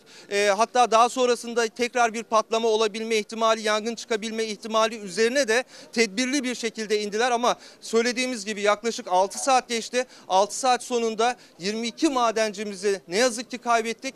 Ama umuyoruz bundan sonraki gelen haberler iyi haberler olacak. Çünkü Umuyoruz. biz buraya geldiğimizde hala yardı, e, içeriden çıkartılan madencilerin e, yaralı olarak çıkartıldığına da şan- ta- tanık Umuyoruz. olduk. E, dolayısıyla ilerleyen saatlerde büyük önem taşıyor Doğan Şentürk. Ee, Barış, kesif gaz kokusundan bahsettin. Biraz sonra onu arkadaşlarımıza da soracağım. Ee, özellikle bu Sayıştay raporları konusunda e, hassas olan Çiğdem'e de soracağım. Zonguldak Milletvekili Deniz Yılmaz, Deniz Yavuz Yılmaz Sayıştay raporunda Grizu patlamasının gelmekte olduğunu, eksi 300'e indikten sonra artık bu riskin daha da arttığını söyledi. Bununla ilgili duyumların, izlenimlerin varmış. Zaten şu anda sen bir kesif gaz kokusundan az önce bahsettin. İzleyicilerimiz de duydu. Bu artık öyle görülüyor ki Grizu patlaması bakan da açıklama yaptı. Fakat bu tehlike geliyor muydu, yaklaşıyor muydu? Yani ona ilişkin bir şey aldın mı, ipucu aldın mı, emare aldın mı? Şimdi denilen şu e, e, ne kadar aşağı inildiğinde yani kömür ocaklarında özellikle kömür madenlerinde ne kadar çok aşağı inildiğinde riskin o kadar çok arttığı söyleniyor. Şimdi 3 eksi 300 kota inildiğinde bu riskin arttığını 2019 yılındaki e, Sayıştay raporunda e, ortaya konuluyor. E, dolayısıyla ondan sonra yeni bir şey yapıldı mı? Bununla ilgili bir önlem alındı mı? Açıkçası bunu şu ana kadar e, hani sorduğumuz hiç kimseden bunun yanıtını alamadık. Ama e, bu koku burada herkes hissediyor bu kokuyu. E, ama içerideki yangından oluşan da bir koku geliyor olabilir. Fakat bir ağır koku olduğu için e, dolayısıyla bunun hani içerideki gazla karışmış bir koku olduğunu söyleyebiliriz. Normalde zaten e, buradaki madenciler ya da burada yaşayan insanlar e, çok yerleşim yerlerine yakın bir bölgeden bahsediyoruz. E, sürekli bu kokuya maruz kalmadıklarını söylüyorlar. Dolayısıyla o patlamayla ortaya çıkan e, gazla ortaya çıkan bir kokudan bahsediyoruz. Hemen bunun e, yaklaşık 30-40 metre ilerisinde bir tahliye e, bacasının olduğu ifade ediliyor. O tahliye bacasından çıkan e, gazın da aslında bu bölgede e, havada e, yayıldığını söyleyebiliriz. Şimdi Berkcan size gösterdiğinde ne kadar net görebilirsiniz ama araçların, ambulansların ışığından havaya baktığımızda zaten o gaz bulutunu görebiliyoruz maden ocağının hemen çıkış noktasında.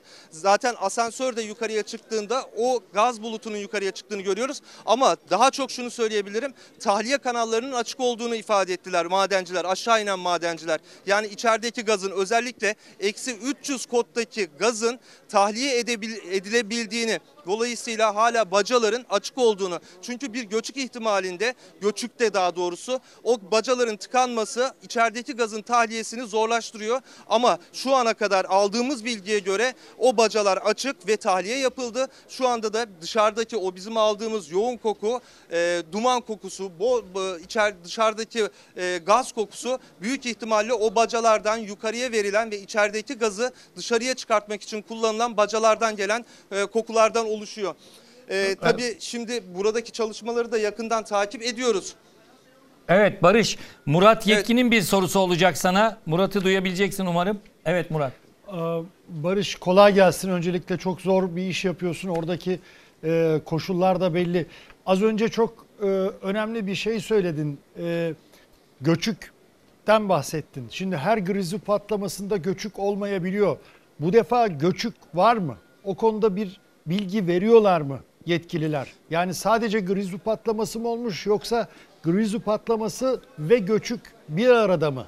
Çünkü ikisi arasında çok büyük fark oluyor hasar ve kayıp açısından. Ee, zaten ilk geldiğimde onu sordum. Ee, dedim ki içeride ilk indiğinizde nasıl bir manzarayla karşılaştınız diye içeriye ilk inen madencilere, arama kurtarma faaliyetine katılan madencilere onların söylediği evet bir göçük oldu ama bu tamamen e, kanalları kapatan bir göçük değildi. Ama biz 300. katı hiç göremedik dediler. İlk inenlerden bahsediyorum. Ee, İçeriye ilk girdiğimizde 300. eksi 300. kota hiç inemedik. O yüzden de oradaki durumu hiç göremedik. Ama eksi 350 kota indiğimizde oradaki yaralı ve hala yardım bekleyen madencileri kurtarabildik dediler. Şimdi biz eksi 300'deki tahribatın e, içerideki bir de yani komplike bir yerden bahsediyoruz. Sadece bir e, metronun e, içerisinde e, var olan bir kanaldan bahsetmiyoruz. Dolayısıyla galeriler var. Her koddan sonra e, belli galeriler var kömür işte kömürün çıkartılması için. E, işte o galerilerdeki e, madenci sayısını da bilmiyoruz. Yani 49 kişinin sıkıntılı bölgede olduğunu biliyoruz ama göçük olan galerilerin kaçında madenci var onu açıkçası e, net bir şekilde öğrenemedik. Şimdi Berkcan Tuğ gösteriyor. Yine içerideki çalışmalara katılan madenci işçilerinden birisi, madencilerden birisi yine dışarıya çıkartıldı. Bir de sedye ile getirildi. E, bu da içerideki işte aslında o gazın hala e, tam da dağılmadığını bize e, buradan gösteriyor. Yani buna tanık olabiliyoruz. Çünkü içeriden dışarıya çıkan o kurtarma faaliyetlerine, tahliye faaliyetlerine katılan madenciler e, buraya geldiğimizden bu yana 3 madenci böyle bir bu şekilde çıktı. İçeride su, dinlenmeleri için oksijen gibi bazı tedbirler var. Onlarla burada e, işte kontrolleri yapılıyor. Sağlık kontrolleri yapılıyor. İçerideki gazdan, içerideki dumandan etkilenen madencilerden bahsediyorum. E, tabii soruya gelecek olursak tabii o eksi 300. katta ne olup bittiğini açıkçası kimse bilmiyor. Göçüğün boyutunu kimse bilmiyor. Sadece benim öğrendiğim ilk başta sorduğumda evet bir göçük olmuş ama kanalların tamamını tıkadı mı tıkamadı mı e, bu tam kesin değil demişlerdi.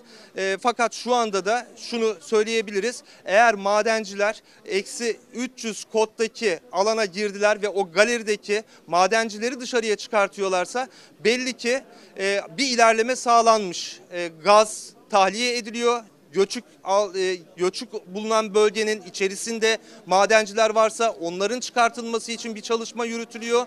Ama göçüğün tamamen bir kotu tamamen kapattığı anlamında net bir bilgi yok. Murat Keskin. Ee, evet Barış bu göçük olan galerilerin kaçında madenci var? Bu en, e, senin yay- yayından anladığım kadarıyla en önemli soru şu anda bu. Bilmiyoruz. Türkiye bilmiyor, biz bilmiyoruz. Çiğdem'in bir sorusu olacak. Merhaba Barış, kolay gelsin. Ee, bu 2019 yılı Sayıştay raporunda e, Amasya'ya ilişkin, sizin bulunduğunuz yere ilişkin e, eksi 300 metredeki üretimle ilgili olarak bu derinliğin grizu patlaması ve ani gaz degajı e, konusunda riskler içerdiği belirtiliyor. Raporda bu var. Ve sonra diyor ki iş güvenliği açısından gerekli ve yeterli önlemlerin alınmasında aksaklıklar olduğundan bahsediliyor yeni vardınız oraya ama bulunduğunuz süre içinde şu önlemler alınmadı gibi bir şey işittiniz mi, duydunuz mu yaptığınız temaslarda?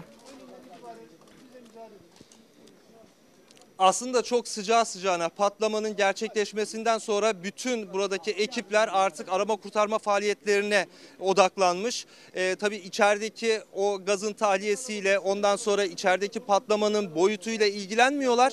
Ee, tamamen içeriden canlı madenciyi çıkartmak, yaralı kurtarmak ve onları hastaneye yetiştirmek için canla başla çalışıyorlar. Bu belki de ilerleyen günlerde aslında o 2019'da çıkan Sayıştay raporuyla alakalı bir tedbir alındı mı alınmadı mı sorusuna yetkililer cevap vereceklerdir. Ama şöyle bir detay var. Mesela 24 gün önce bundan yaklaşık bir ay önce 24 gün önce e, Enerji ve Tabi Kaynaklar Bakanı bu maden ocağını ziyaret etmiş. E, ve ziyaretinde şu cümleleri kullanıyor. Diyor ki önce işçilerimizin güvenliği, önce işçilerimizin sağlığı, ondan sonra iş diyor. Bununla ilgili de diyor yöneticilerinizin diyor bununla ilgili e, iş güvenliğiyle ilgili ve sizin güvenliğinizle ilgili yeterli tedbirleri e, tam anlamıyla alması bizim için önceliğimizdir diyor. Tabii o 24 gün önce yapılan bu açıklamadan sonra gerçekleşti bu patlama. E, o gün bu riskler yani Sayıştay raporunda e, belirtilen 2019'da belirtilen artık eksi 300. kota inildi. Risk arttı. Dolayısıyla burada bir giruzu patlaması riski olasılığı yükseldi. Bununla ilgili tedbir alınmasıyla alakalı o günden bugüne bir şey yapıldı mı? Bunun sorusunu tabii ki de e, şu anda buradaki hiç kimse bilmiyor. Çünkü herkes burada canla başla e, sadece şeyi e, ne derler ona içerideki durumu e, bir an önce normale döndürmeye ve içerideki yaralı maden işçilerini çıkartmak için çalışıyorlar. E, ama şunu söyleyelim.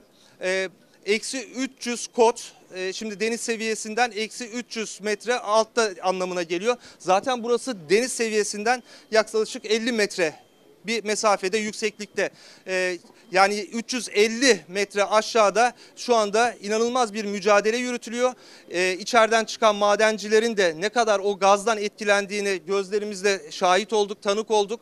Onlara burada ilk müdahaleler yapılıyor. Onlar çıktıktan sonra ekip değişiyor ve aşağı diğer madenciler iniyor ve artık e, biraz önce de söylediğimiz gibi göçün durumunun ne kadar olduğunu bilmiyoruz. Patlamanın boyutunu bilmiyoruz ama bir risk taşıdığını biliyoruz. En azından Sayıştay raporunun vermiş olduğu e, o bilgiler doğrultusunda e, ve bugün o 300. eksi 300. katta bir patlama oldu ne yazık ki. Barış uzun bir gece olacak öyle görüyoruz. Endişeyle bütün Türkiye bekliyor, biz bekliyoruz, umuyoruz. Bundan sonra e, biraz daha olumlu haberler alırız. E, biraz sonra sana döneceğiz. E, şimdilik kolay gelsin diyoruz. Birazdan döneceğiz. E, Barış e, Kaya Berkcan Tuğ Ankara'dan patlamayı duyar duymaz hareket etti. Ankara ekibimizden Ali Onur Tosun, Kenan Özcan da İstanbul'dan hareket ettiler. Ve bölgeye ulaşan ilk ekiplerden.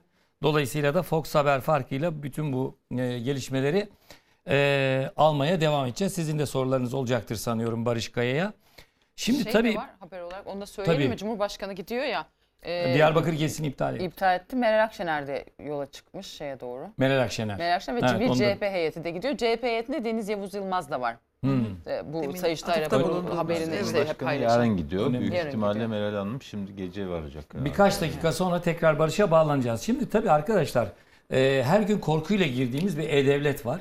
Ve devletin e, sürprizi vatandaşa hazırladığı sürpriz sadece evdeki yabancı değil bir de partideki yabancı. Vatandaşlar hiç kapısının önünden geçmediği partilere üye çıkmaya başladı. Yani enteresan bir durum. Yani ne oluyor? Birbiri üstüne gelmeye başladı ve bu iki skandalı da Fox Haber patlattı. Bir bandımız var. İzleyelim üzerine konuşalım. Amasya ikametgahlıyım. Fox TV'nin uyarısıyla E-Devlet'ten yaptığım kontrolde İstanbul Bayrampaşa Büyük Birlik Partisi aktif üyeliğim görüküyor. Benim iradem dışında nasıl gerçekleşebilir böyle bir şey? İlla ki bir e, kayıt için bir imza gereklidir diye düşünüyorum.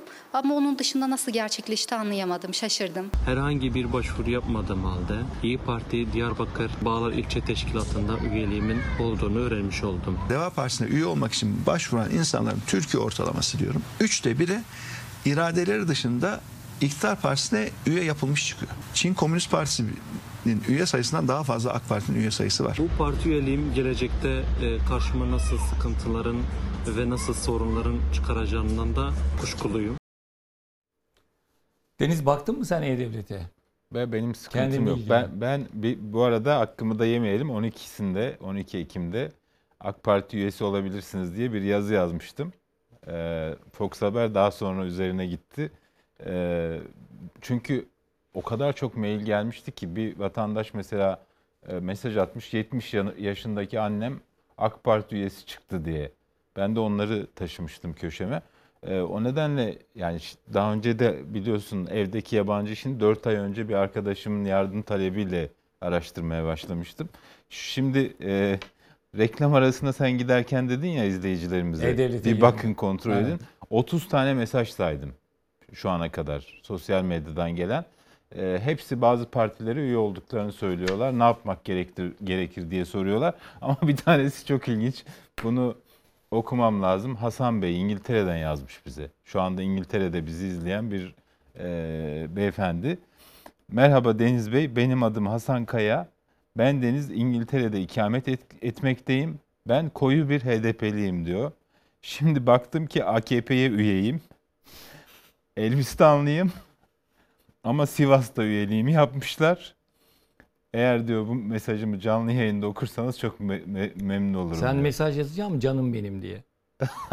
ya gerçekten ilginç değil mi? Elbistanlı Sivas'ta üye yapılmış.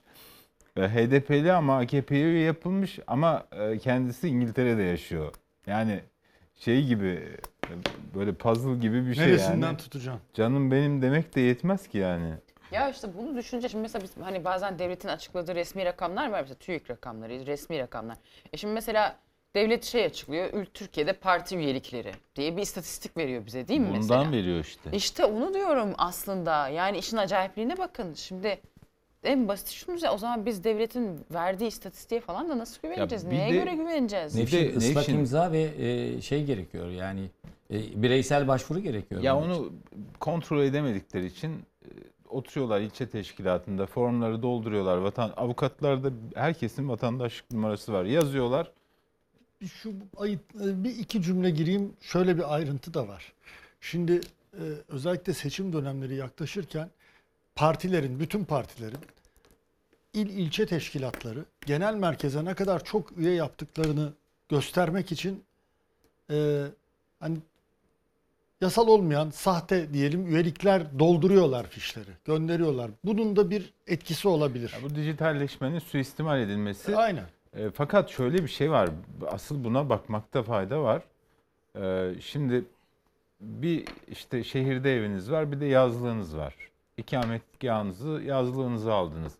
Yazlıktaki diğer e, ikamet edenleri bakabiliyorsunuz ama asıl ikametgahınızdakilere bakamıyorsunuz bu sistemden. Yani o orada birileri kayıtlı olsa da siz ona bakıp göremiyorsunuz. Nerede kayıtlıysanız orayı görüyorsunuz. Yani burada bu tür durumda olup da bakamadıkları ne kadar var? Artı e, ünlü bir profesör ismimi verme dediği için vermiyorum. Şöyle bir şey şöyle bir uyarıda bulunuyor. Diyor ki YSK diyor seçime kısa bir süre sonra kala biz elektronik oylamaya geçiyoruz. Bundan sonra Amerika'daki gibi vesaire elektronik oylama yapacağız derse gibi bir karar alınırsa bu elektronik kayıtların hepsi şifreyle oturdukları yerden bilgisayardan oy kullanabilecekler diyor. İşte buyur bakalım.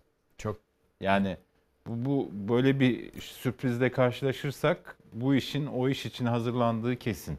Bir cumhurbaşkanı kararına Çiğdem bakar. suç Evet. bu. Yani Evet, bu düpedüz tabii, suç. tabii. Bir de KVK var. Kişisel verileri Evet. e, korumak şeyi. Tabii. E, bu- Islak imza gerekiyor, form doldurmak gerekiyor. Herhalde e, kimlik bilgileri birilerinin eline geçmiş ya da zaten ortalıkta dolaşıyor. E, benim bir Diyarbakır'da nüfus kaydı olan bir yakınım az önce mesaj attı. Muhafazakar Yükseliş Partisi'nde üyelik kaydı görünüyormuş. Muhafazakar siz duymuş muydunuz? Ben şu anda e, senden duymuşum. Muhafazakar Yükseliş Partisi. Aktif üyesi olarak görünüyormuş yani E-Devlet'te. Yani bu e, Sayın Devlet Bahçeli zaman zaman diyor ya e, meclisteki konuşmalarında ne yapmak istemektedirler, Ne nereye yapmak, varmak nereye istemektedirler. varmak. Bununla nereye varmak istemektedirler? Şey benim dikkatimi çeken sizin haberinizde de hani mesela herkes AK Parti'ye veya MHP'ye kayıtlı çıksa ha, tamam peki hani şey. E ama mesela başka bir beyefendi diyor ki İyi Parti'ye kayıtlı çıkmışım diyor. Yani sadece iktidar partilerine de değil kimisi de muhalefete rastgele ya. Demek ki bu sistem, sistemde ciddi bir İçişleri boşluk var. Bakanlığı ipin ucunu kaçırmış mı? Vallahi Yoksa yani burada bu başka bir şeyler mi Dijital dönüyor? sistem bilmiyorum ki yani bunu bilmemize imkan yok ancak tahmin yürütebiliyoruz. Sadece Bunun tahmin bize bir yürütebiliyoruz, açıklama evet. yapmaları olduğunu lazım kardeşim. kavrayamıyoruz. Niye böyle? Bu E-Devlet yapıyorum, sistemi canım eklendi mi mesela? Hacklendi mi acaba? Bilmiyorum. Neye göre yapılıyor? Bu hackerlar şaka mı yapıyor? Allah, mesela bu da olabilir. Bunu biliyor bilmiyoruz. Ya da bu neden kaynaklı bir açıklama yapacaklar ki bileceğiz. Yoksa anca burada spekülasyon yapabiliyoruz. Ondan mı, bundan mı vesaire diye. Şimdi başka bir izleyici yazmış. Ee, şimdi dede Mersin'de oturuyor. Ailenin geri kalanı Konya'da. Bir bakıyorlar ki bütün torunlar, çocuklar dedenin Mersin'deki evine kayıtlı çıkmış. Şimdi onlar da şunu soruyorlar. Diyorlar ki acaba seçimde oy kullanamayacaklar mı bu durumda? Bir de böyle bir Nerede var. kayıtlıysa orada kullanacak. Orada kul- mı kullanacak? Nasıl olacak? İşte seçmen listesi askıya çıkacak da orada bakacak. Bir de diyor ki e, nüfus müdürlüğüne başvurduk. Çok sıra var diyor. E, öyle hemen de randevu alınıp da düzeltmek için gidilemiyor diye bir izleyici e, bilgi vermiş. Polisin eve gelip kontrol etmesi gerekiyor orada oturuluyor mu Öyle. oturulmuyor mu diye. Yani sadece sahte... Ha bu arada bir izleyicimiz de demiş ki benim evime birileri kayıt yaptırmış. Yani evimde birileri ikamet ediyor gözüküyor ve sahte su faturasıyla kayıt yapmışlar diyor. Yani sahte bir su faturası beyan edilmiş. Bu, bu böyle şeyler de var. İnanılmaz bir şey bu ya. ya. Bunun böyle değiştikçe yani her vatandaşın ayrı bir hikayesi çıkıyor. Bu, bu işe bir an önce el atmaları lazım. Gerekirse o yazılım şirketini kovup sil baştan veri Tabii. bankasıyla açığı olmayan kusursuz bir... Vallahi bunun en şey yolu kim teklif etmişti? Bir, birkaç ay oldu. Tekrar eski usul parmağı Parmak boyayıp Cem Toker hep onu söylüyor seçimlerde Vallahi bu gelsin eski diye. usul şey o. e, Eski usul parmağına çıkmaz boyayı Burada- süreceksin. Bence de. Şimdi Başka burada, yolu yok. Burada Murat başka Çünkü bir şey daha var. sahtekarlık Ee, Doğan sistemin içinden kaynaklanıyor. Bir de Yani- beceriksizlik de var belli ki. O yani. da var. O da var, o da var. Ee, bu arada vatandaşı da uyaralım buradan. Çünkü E-Devlet'e girdiğinizde böyle bir tabloyla karşılaştığınızda e, istifa butonu var. İstifa et diyor. İstifa ettiğinizde o butonu tıkladığınızda iş daha da karmaşık hale geliyor. Onaylıyorsunuz o butona basarak e, ve sicilinize işliyor. Yani o partiye üye olduğunuzu Tabii bir kere tabii yani onaylayıp istifa sonra et, istifa etmiş istifa oluyorsunuz. et butonuna e, şey yapmak, e, tıklamak, onaylamak anlamını taşıyormuş. Özellikle muhabirlerimiz bunun altını çizdi hukuken ve bir de e, sicilinize işliyor.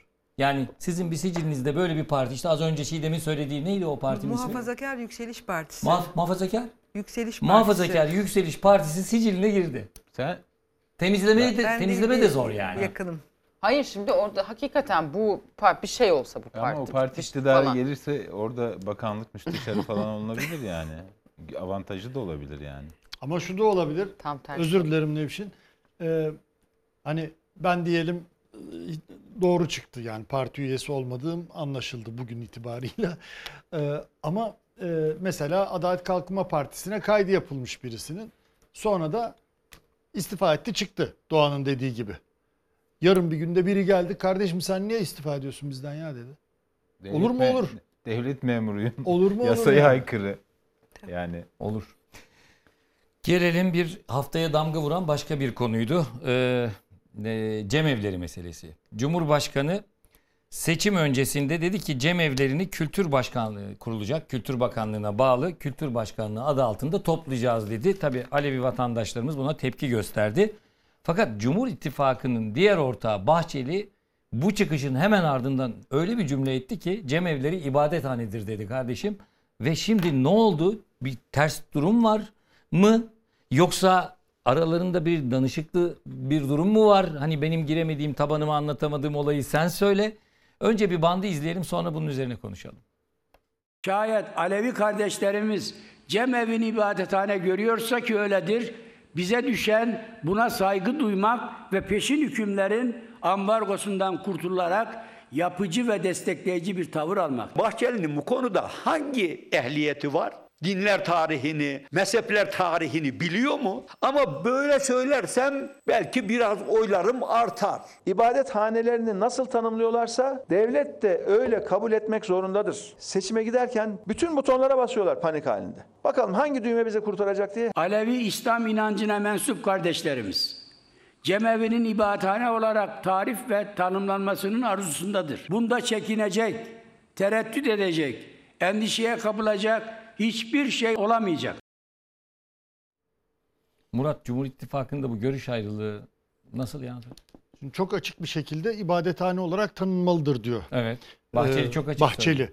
Ee, oysa e, Erdoğan da e, diyor ki Kültür ve Turizm Bakanlığı'na bağlı. Yani neredeyse bir folklorik şeye, kültürel faaliyete sokuyor. Buna Alevi kuruluşları da karşı çıkıyor. Neden Bahçeli bunu söylüyor? Çünkü Bahçeli'nin dediği e, uygulansa ki ben de katılıyorum yani ibadethanedir. Kimse Aynen. kimsenin hayır seninki ibadethane sayılmaz benimki sayılır diyecek hali yok. Eğer öyleyse e, Ali Babacan'ın söylediği bir o hani Temel Karamollaoğlu da dedi bir oy kaygısıysa şimdi Milliyetçi Hareket Partisi'nin e, oy tabanının özellikle İç Ege'de, e, İç Akdeniz'de falan Orta Anadolu'da e, Türkmen e, kitlesi var. O Türkmen kitlesi içinde de e, Alevi Bektaşi olanlar var. Yani gerçekten oy tabanının bir kısmı da e, bu şekilde yani Türkmen e, etnik kökeninde ve e, özellikle İç Anadolu'da Kırık, İç Kırıkkale, Anadolu, İç Ege, Yozgat, e, Toroslar. Tabii tabii. Yani İç Akdeniz, İç Ege, İç Anadolu o bölgede. E, dolayısıyla bir taban sorunu da var. Sadece hakkaniyet açısından demiyorum. Yani bence de öyledir. ibadethanedir. Birisi burası benim ibadethanem diyorsa orası onun ibadethanesidir arkadaş. Sen yok orası cümbüş evi diyemezsin yani. Diyemezsin. E, yani insana saygı diye bir şey vardır. Yani sen burada e, Bahçeli ile e, Erdoğan arasında bir görüş ayrılığı. Evet yani ben şöyle yorum dövüş şeyine katılmıyorum. Katılmıyorsun. Bence Peki- Bahçeli, Bahçeli çok e, yerinde bir tespit yapmış. Yani buradan Erdoğan'ın çıkarması gereken dersler var. Benim kanaatimce. Peki Ali Erbaş izin Cumhurbaşkanı- verecek mi ona? yanlış Ali yerde- Erbaş izin verecek mi yanlış acaba? yerde önemli. duran- Diyanet İşleri Başkanlığı boyutu önemli. Ne diyecek? Yanlış Murat'ın yerde söylediği. duran ver, vermezse de yanlış yerde duran Ali Erbaş'tır, Tayyip Erdoğan'dır. Bahçeli'nin durduğu yer hem insan hakları açısından hem Türkiye gerçekleri açısından en doğru yerdir. Peki Bahçeli bu doğru yerde duracak ve ısrar edecek. Tanıdığımız Bahçeli doğru bildiğinden Bu konuda hani ısrar eder. duracağından ben şey yani Nereye bu, varır? Bu konuda e, kararlı duracağından ben şüphe duymuyorum yani Bahçeli bu açıklamayı yaptıysa O arkasında zaman durur. geri adımı geri adımı Cumhurbaşkanı mı atacak bu konuda? Geri adım değil Cumhurbaşkanı'nın ileri adım atması lazım. Yok yok, yani atacak mı demek istiyorum. Ya atamaz tabii yani atsa da kim inanır yani bu saatten sonra bu kadar şey olduktan Arkadaşlar sonra. söylüyorum.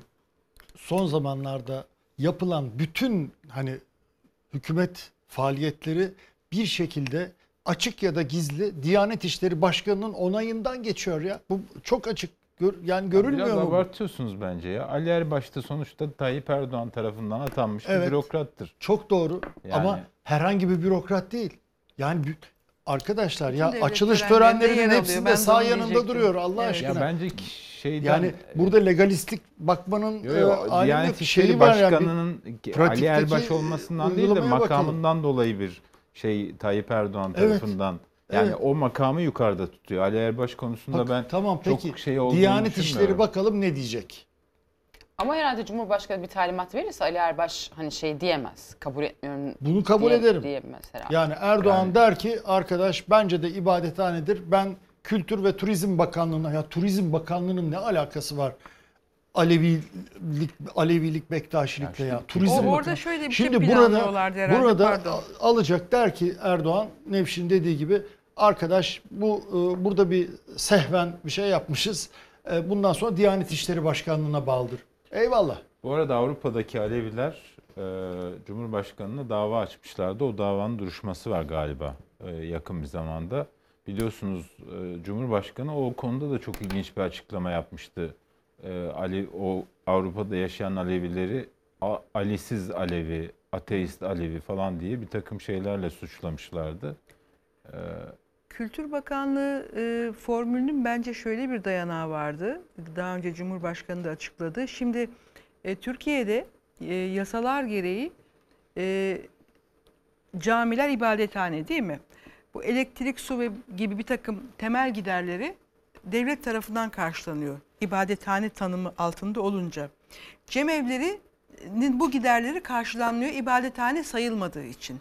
Şimdi ben Cumhurbaşkanı'nın ifadelerinden şunu çıkarmıştım ki Kültür Bakanlığı'na bağlandığında yani bir bürokratik şemsiye altına alındığında adına ibadethane demeden kültür merkezi gibi bu masrafları da karşılanacak, bu giderleri de karşılanacak. Yani çok aslında dar ve sığ bir bakış açısı. Yani bundan 10 sene önce yapılan Alevi çalıştayında gündeme gelen Alevilerin taleplerinin bir bölümünü, küçük Biz bir size bölümünü... parasını verelim siz de e, Evet. Bu buna iradenizi indirgenemeyecek bize teslim kadar. edin. Evet. Yalnız işte bir geçen hafta da söylemiştim. Ben yine söyleyeyim. Bahçeli'nin çıkışı sonrası daha da anlamlı oldu. Şimdi Diyanet'e bağlanınca e, bu yanında şeyi de getirecek ama. Başka türlü bir denetimi de getirecek. O zaman dede mi atayacak Diyanet İşleri Başkanlığı? Bu dedeler neye göre seçilecek? maaşını mı verecek? Hayır maaşını verecek peki hani ve e, neye göre atanacak bu dedeler? Ne diyecekler? Bir o standart Sünni camilerinde verildiği gibi cuma hutbesi verilecek mi? Aleviler bunu isteyecek mi? Gibi de başka da O da- sorular var o da işin önemli yanında sorular. yani. E, Nevşin Barış'a Doğru gideceğiz sorular. hazırmış. Ee, bir şey soracağım. Şimdi Bahçeli tabii kararlı doğru bildiği şeydi az önce Deniz'e de söyledim ama aklıma hemen bu andımız meselesi geldi bir anda çağrışım yaptı. Andımız meselesinde hani çok böyle kararlı duracağını beklerken geri adım atıldı.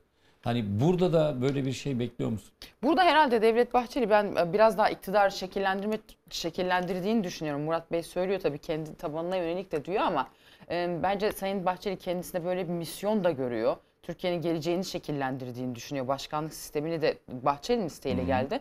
E, daha böyle AK Parti'nin pozisyonunu değiştiriyor. AK Parti'yi başka bir yere çekiyor Bahçeli aslında. Daha böyle İslamcı muhafazakarlıktan milliyetçi muhafazakar bir yere çekiyor iktidarı. Ben kendisinin böyle bir projeksiyon da olduğunu düşünüyorum. Bu tahmin tabii Anladım. benimkisi. Evet Barış hazır mı arkadaşlar? Barış. Barış duyuyor musun? Evet. Ee, son Duyuyorum. durum ne? Endişeli bekleyiş sürüyor tabii. Ee, nedir durum? Son durumu alalım senden. Şimdi ilk yayından sonra e, içeride arama faaliyetlerine, kurtarma faaliyetlerine katılan madencilerle ve onların arkadaşlarıyla konuşma fırsatı buldum. Bu asansörün hemen arka tarafında bekleyiş var. Onlardan aldığım bilgi şu. E, e, dedim ki içerideki arkadaşlarınızla ilgili ne tür elinizde bilgiler var, detaylar var dedim. E, bazı arkadaşlarımız işte hastanelere sevk edildi. E, bazıları hayatını kaybetti ve bazıları da e, sadece Bartın'daki hastaneler değil başka daha büyük hastanelere sevk edildi dediler. Peki bunun gerekçesi nedir diye sordum. Yanıktan dediler. Yanıktan dolayı başka hastanelere, daha tam teşekküllü hastanelere sevk edildi dediler. E, şimdi peki içeride o yangın riski devam ediyor mu dedim. E, kafasını kaldırıp yukarıya baktı. İşte bu duman içeriden yükselen bu duman hala içeride de yangının devam ettiğini, yer yer devam ettiğini e, bize gösteriyor dedi. Ve içeriden dışarıya çıkan zaten maden işçilerinin de burada faaliyetlere katılan maden işçilerinin de o içerideki gazdan, e, yangından da oluşan bir gaz olabilir, başka bir gaz da olabilir. Tabii bunun tam olarak ben e, uzman olmadığım için bilmiyorum ama onlar da sadece yangından kaynaklı içerideki dumanın içeriye giren maden işçileri de etkilediğini söylüyorlar. Özellikle de eksi 300 kod ve 350 koddaki e, çalışan maden işçileri, oradaki arama kurtarma faaliyetlerine katılan maden işçileri o gazdan, o dumandan etkileniyorlar ve burada dışarıya çıkartıldıklarında tedavi sürecine tabi tutuluyorlar. Şimdi e, diğer bir soru vardı. Göçük var mı peki dedim. Hem 300 e, eksi 350 kodda hem de 300. kodda içeriye giren madenciler göçük olduğunu söylüyorlar ve bir şey bir tehlikeden de bahsediyorlar. E, şu an hala bü- büyük bir tehlike olduğunu söylüyorlar bunun. Ee, bir kömür tozu patlamasından bahsediyorlar. Şimdi bu riskin hala olduğunu çünkü içeride yer yer devam eden yangın ve dışarıya çıkan bu gaz nedeniyle de e, içeride o riskin hala devam ettiğini ifade ettiler. E, bir diğer soruya da cevap aradım bu arada kısa sürede. E, e, şu soruyu sormuştunuz. E, maden işçilerinin üzerinde bir takip cihazı var mı? Onlar içeride takip edilebiliyorlar mı diye. E, bir madenci bana belindeki o cihazı gösterdi. E, beline sarılmış bir kemerle sarılmış cihaz. O cihazın üstünde lambalar yanıyor. Ona da lamba diyorlar zaten. İşte o lambadan sinyal alınıyormuş. İşte alınan o sinyallerle de içerideki kaç madenci olduğunu tespit ediyorlar. Hareketli olup olmadığını da tespit ediyorlar ama şöyle bir detayı da paylaştılar. Şimdi madenciler o patlama sırasında can havliyle kendilerini başka galerilere, başka bölümlere atmak için veya kendilerini dışarıya çıkartmak için e, o mücadele verirken e, o lambayı yani o takip cihazını da düşürmüş olabilirler. Dolayısıyla içeride kalan takip cihazı aslında tam anlamıyla içeride bir madenci var mı? E, bunun tespiti için çok zor diyorlar. E, ama hastanelere sevk edilen madenciler e, dolayısıyla e, alınan son bilgilerde o sıkıntılı bölgede kalan 49 madenci ile alakalı daha bizim buraya geldiğimiz saatten itibaren çıkartılan 4 madenci ama yeni bir açıklama yok. 22 madenci e, ne acı ki hayatını kaybetti. Hastanede tedavi görenler var. 3 madencinin e, buradaki patlamadan dolayı yoğun bakımda olduğu ve 21 madencinin de hala e, işte yaralı olarak hastanelere sevk edildiğini biliyoruz. Şimdi 110 madencinin e, bu e, maden ocağında yani bu vardiyada çalıştığı bilgisi var elimizde. 110 madenci içeride ama bu madencilerin hepsi aynı kodda ve aynı galeriler- galerilerle galerilerde değillerdi. Dolayısıyla e, bu patlamadan etkilenenler özellikle de patlamanın olduğu bölgede bulunanlarla daha uzak bölgede bulunanlar arasında tabii bir mesafe var. Galerilerin e, Barış, mesafeleri var. Barış, Kodların duyabiliyor musun beni? e, bir mesafe var. Barış, Duyuyorum. e, maalesef can kaybı şu an 25'e yükseldi. Verilen yapılan açıklamada 25'e yükseldi. E, onu söyleyeyim dedim. Buradan paylaşalım. E, evet dinliyoruz seni. Ee, şimdi aslında biz biraz önce buradan e, işte sağlık ekipleri bekliyor demiştik. Ee, buradan çıkartılan maden işçilerinin yani içerideki göçük altında kalan ve patlamada e, orada bulunan maden işçilerini çıkartırken e, bazılarının tabii yüzünü görme imkanımız olmuyor ama herhalde büyük ihtimalle biz buraya geldiğimiz andan itibaren çıkartılan madencilerden de hayatını kaybedenler olmuş demek ki. E, bu bilgi bunu da teyit ediyor. Belki de hastanede yoğun bakımda olanlarla alakalı da bir can kaybı olmuş olabilir ama sayının her geçen dakika artması son derece üzücü. E, burada buradaki madenciler, faaliyetlerde bulunan madenciler ilk 45 dakikanın, ilk 2,5 saatin maden facialarında, patlamalarda, göçüklerde son derece kritik zamanlar olduğunu söylüyorlar. E, bu ilk 45 dakika ve 2,5 saat diliminde yapılan müdahalelerde, ulaşılan noktalarda, galerilerde ve kodlarda kurtarılan madencilerin hayatta kalabildiğini e, ifade ediyorlar ve daha sonrasında da şöyle bir şey var aslında. Onu öğrenmek e, için e, tekrar o bilgiyi de alırsam size ileteceğim. Yaşam alanı var mıydı? Hayatı kurtaran yaşam alanları var. Kömür madenlerinde veya diğer madenlerde. Bu maden ocağında bir yaşam alanı var mıydı? Çünkü bu yaşam alanına belki de o an patlamanın olduğu yerdeki madenciler ulaşma imkanını bulamamış olabilirler belki ama daha e, daha uzağında olanlar belki de bir kod altta olanlar bir kod üstte olanlar o yaşam alanlarına kendilerini atabilirlerse hayatta kalma e, ihtimalleri e, çok yüksek hatta hayatta kalıyorlar. O kadar güvenilir bir e, yaşam alanından bahsediyoruz. Kapalı bir kutudan bahsediyoruz ve orada oksijen desteği var, haberleşme cihazları var, içeride yiyecek içecekleri var. Belki de 60 saat, belki de 3 gün kalsalar orada hayatlarını devam ettirebiliyorlar. Şimdi tabii maden işçilerinin eğer burada bir yaşam alanı varsa oraya ulaşma imkanları oldu mu olmadı mı e, onu gerçekten hani kestirebilmek çok zor. Başında da söylediğim gibi şimdi burada bu bilgileri teyit etmek için bunları öğrenebilmek için yetkili kişilere de ihtiyacımız var. Fakat burada gördüğümüz e, madenci arkadaşların hepsi de e, şimdi içerideki arkadaşlarını kurtarmak için mücadele veriyorlar. Ama bize de içerideki durumla ilgili işte o kritik detaylarla ilgili de e, içeride gördükleri bilgileri de paylaşıyorlar. O işte takip cihazından, lamba dediğimiz cihazdan bütün madencilerde olduğunu ama madenciler üzerinden bu lambayı düşürdülerse de dışarıya çıktılarsa lamba içeride kaldıysa yani takip cihazı hala içeride birinin olma ihtimali üzerinde de durulabilir. Bu içerideki kişi sayısını tam olarak bize vermez diyorlar. E, ama e, şu şu var ki e, e, aileleri de görüyorum ben burada. Arka tarafa dolandığımda E, e, onlar e, tabii zaman ne kadar ilerlese de içeride belki de işte o galerilerin bulunduğu yerde yani her kota indiğinizde farklı farklı galerilere geçiyor e, maden ocağı. O maden ocağının galerilerinde de belki birisinde patlama oldu hepsini etkiledi ama e, büyük bir bölümünde de hala maden işçileri kurtarılmayı bekliyor olabilir. Bu da umut verici bir şey. O yüzden de madenci yakınları, madencilerin eşleri, çocukları, e, aileleri e, Dolayısıyla bu umudu hiç yitirmiyorlar. E, biz de o umudun hep olması gerektiğine inanıyoruz. Çünkü e, ilerleyen saatlerde e, çıkartılabilecek, içeriden çıkartılabilecek e, yine yaralı madencileri e, olabilme ihtimalini e, e, özellikle temenni ediyoruz e, Doğan Şertürk. Şimdi buradaki hareketlilik e, başından bu yana çok yüksekti. Hala da öyle. E, emniyet görevlileri orada bir set oluşturdu. O tam karşıdaki bölümü Berkcan Tuğ size göstersin. Orası asansörün kontrol noktasıymış. O kontrol noktasından içerideki maden işçilerine ulaşabilmek için yan taraftaki asansörü kontrol ediyorlar. Ve asansör aşağı her indiğinde herkesin gözü kulağı o asansörün iplerinde oluyor. Çelik halatlarında oluyor. Yukarıya geldiğinde herkes pür dikkat içeriden çıkacak iyi bir içeriden gelecek iyi bir habere odaklanıyor. Ve bizim buraya geldiğimizde başında söylemiştim 4 madenciyi çıkarttılar ambulanslarla buradan hastanelere sevk ettiler.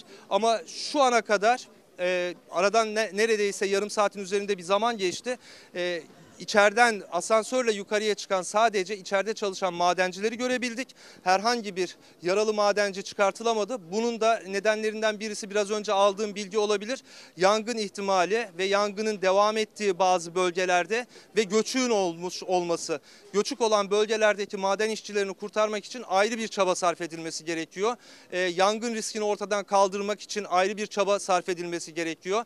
E, yangın bacalarının e, daha doğrusu e, o içerideki gazın, dumanın tahliye edildiği bacaların açık ol- olduğunu söylemiştim. O bacalardan işte o tahliyeler devam ediyor ve yukarıdaki işte o toz bulutu, o dumanın da e, içeride hala e, bir basınçla bir e, yangın ihtimalinin de yüksek olduğunu bize gösteriyor. Çünkü maden işçileri de diyorlar ki hala yer yer yangınlar devam ediyor ve içeriye giren madenciler de o yangının etkisiyle e, rahatsızlanıyorlar ve yukarıya anında çıkartılıyorlar. Onların yerine yeni ekipler takviye ediliyor ve onlar aşağıda yine içeride kalan, mahsur kalan maden işçilerini kurtarmak için canla başla çalışıyorlar.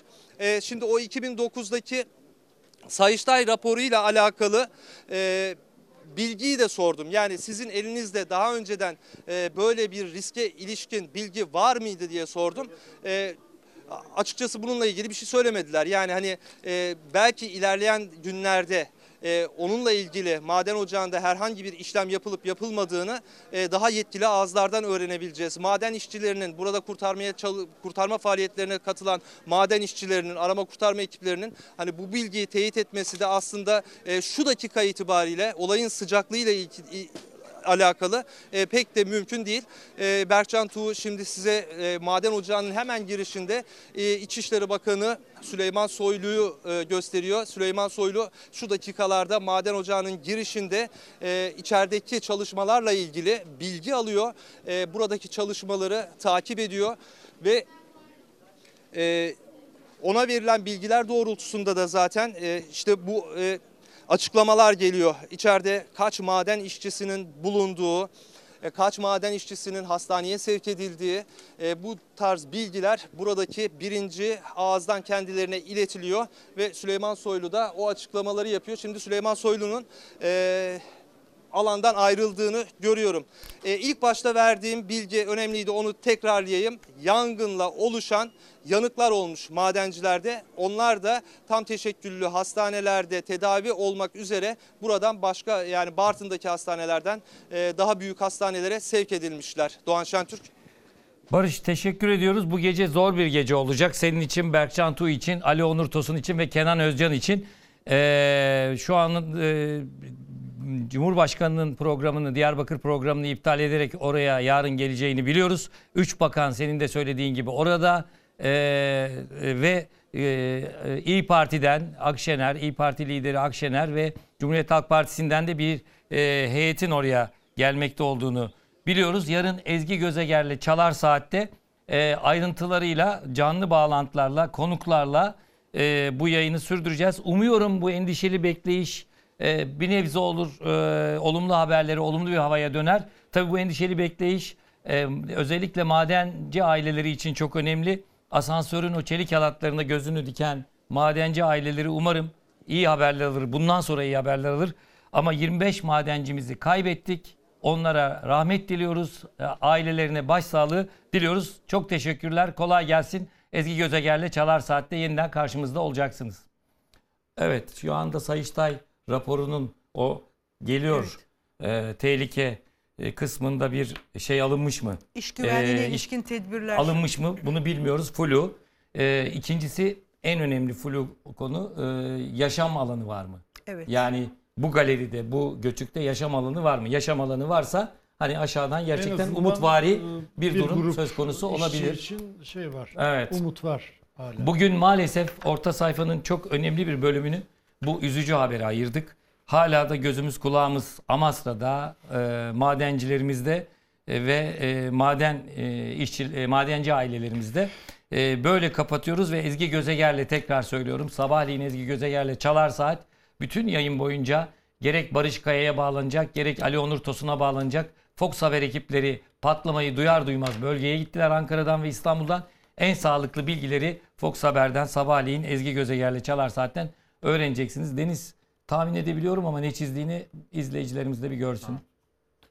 Ya çok üzücü tabii yani bu e, ben diyorum acaba bu Soma'dan sonra bu tedbirleri artırmışlar mı ama bir maden mühendisi arkadaşım mesaj atmış diyor ki e, kömür madenlerinde bu koruma odaları çok işlevsel olmuyor. Daha çok metal madenlerinde işe yarıyor diyor.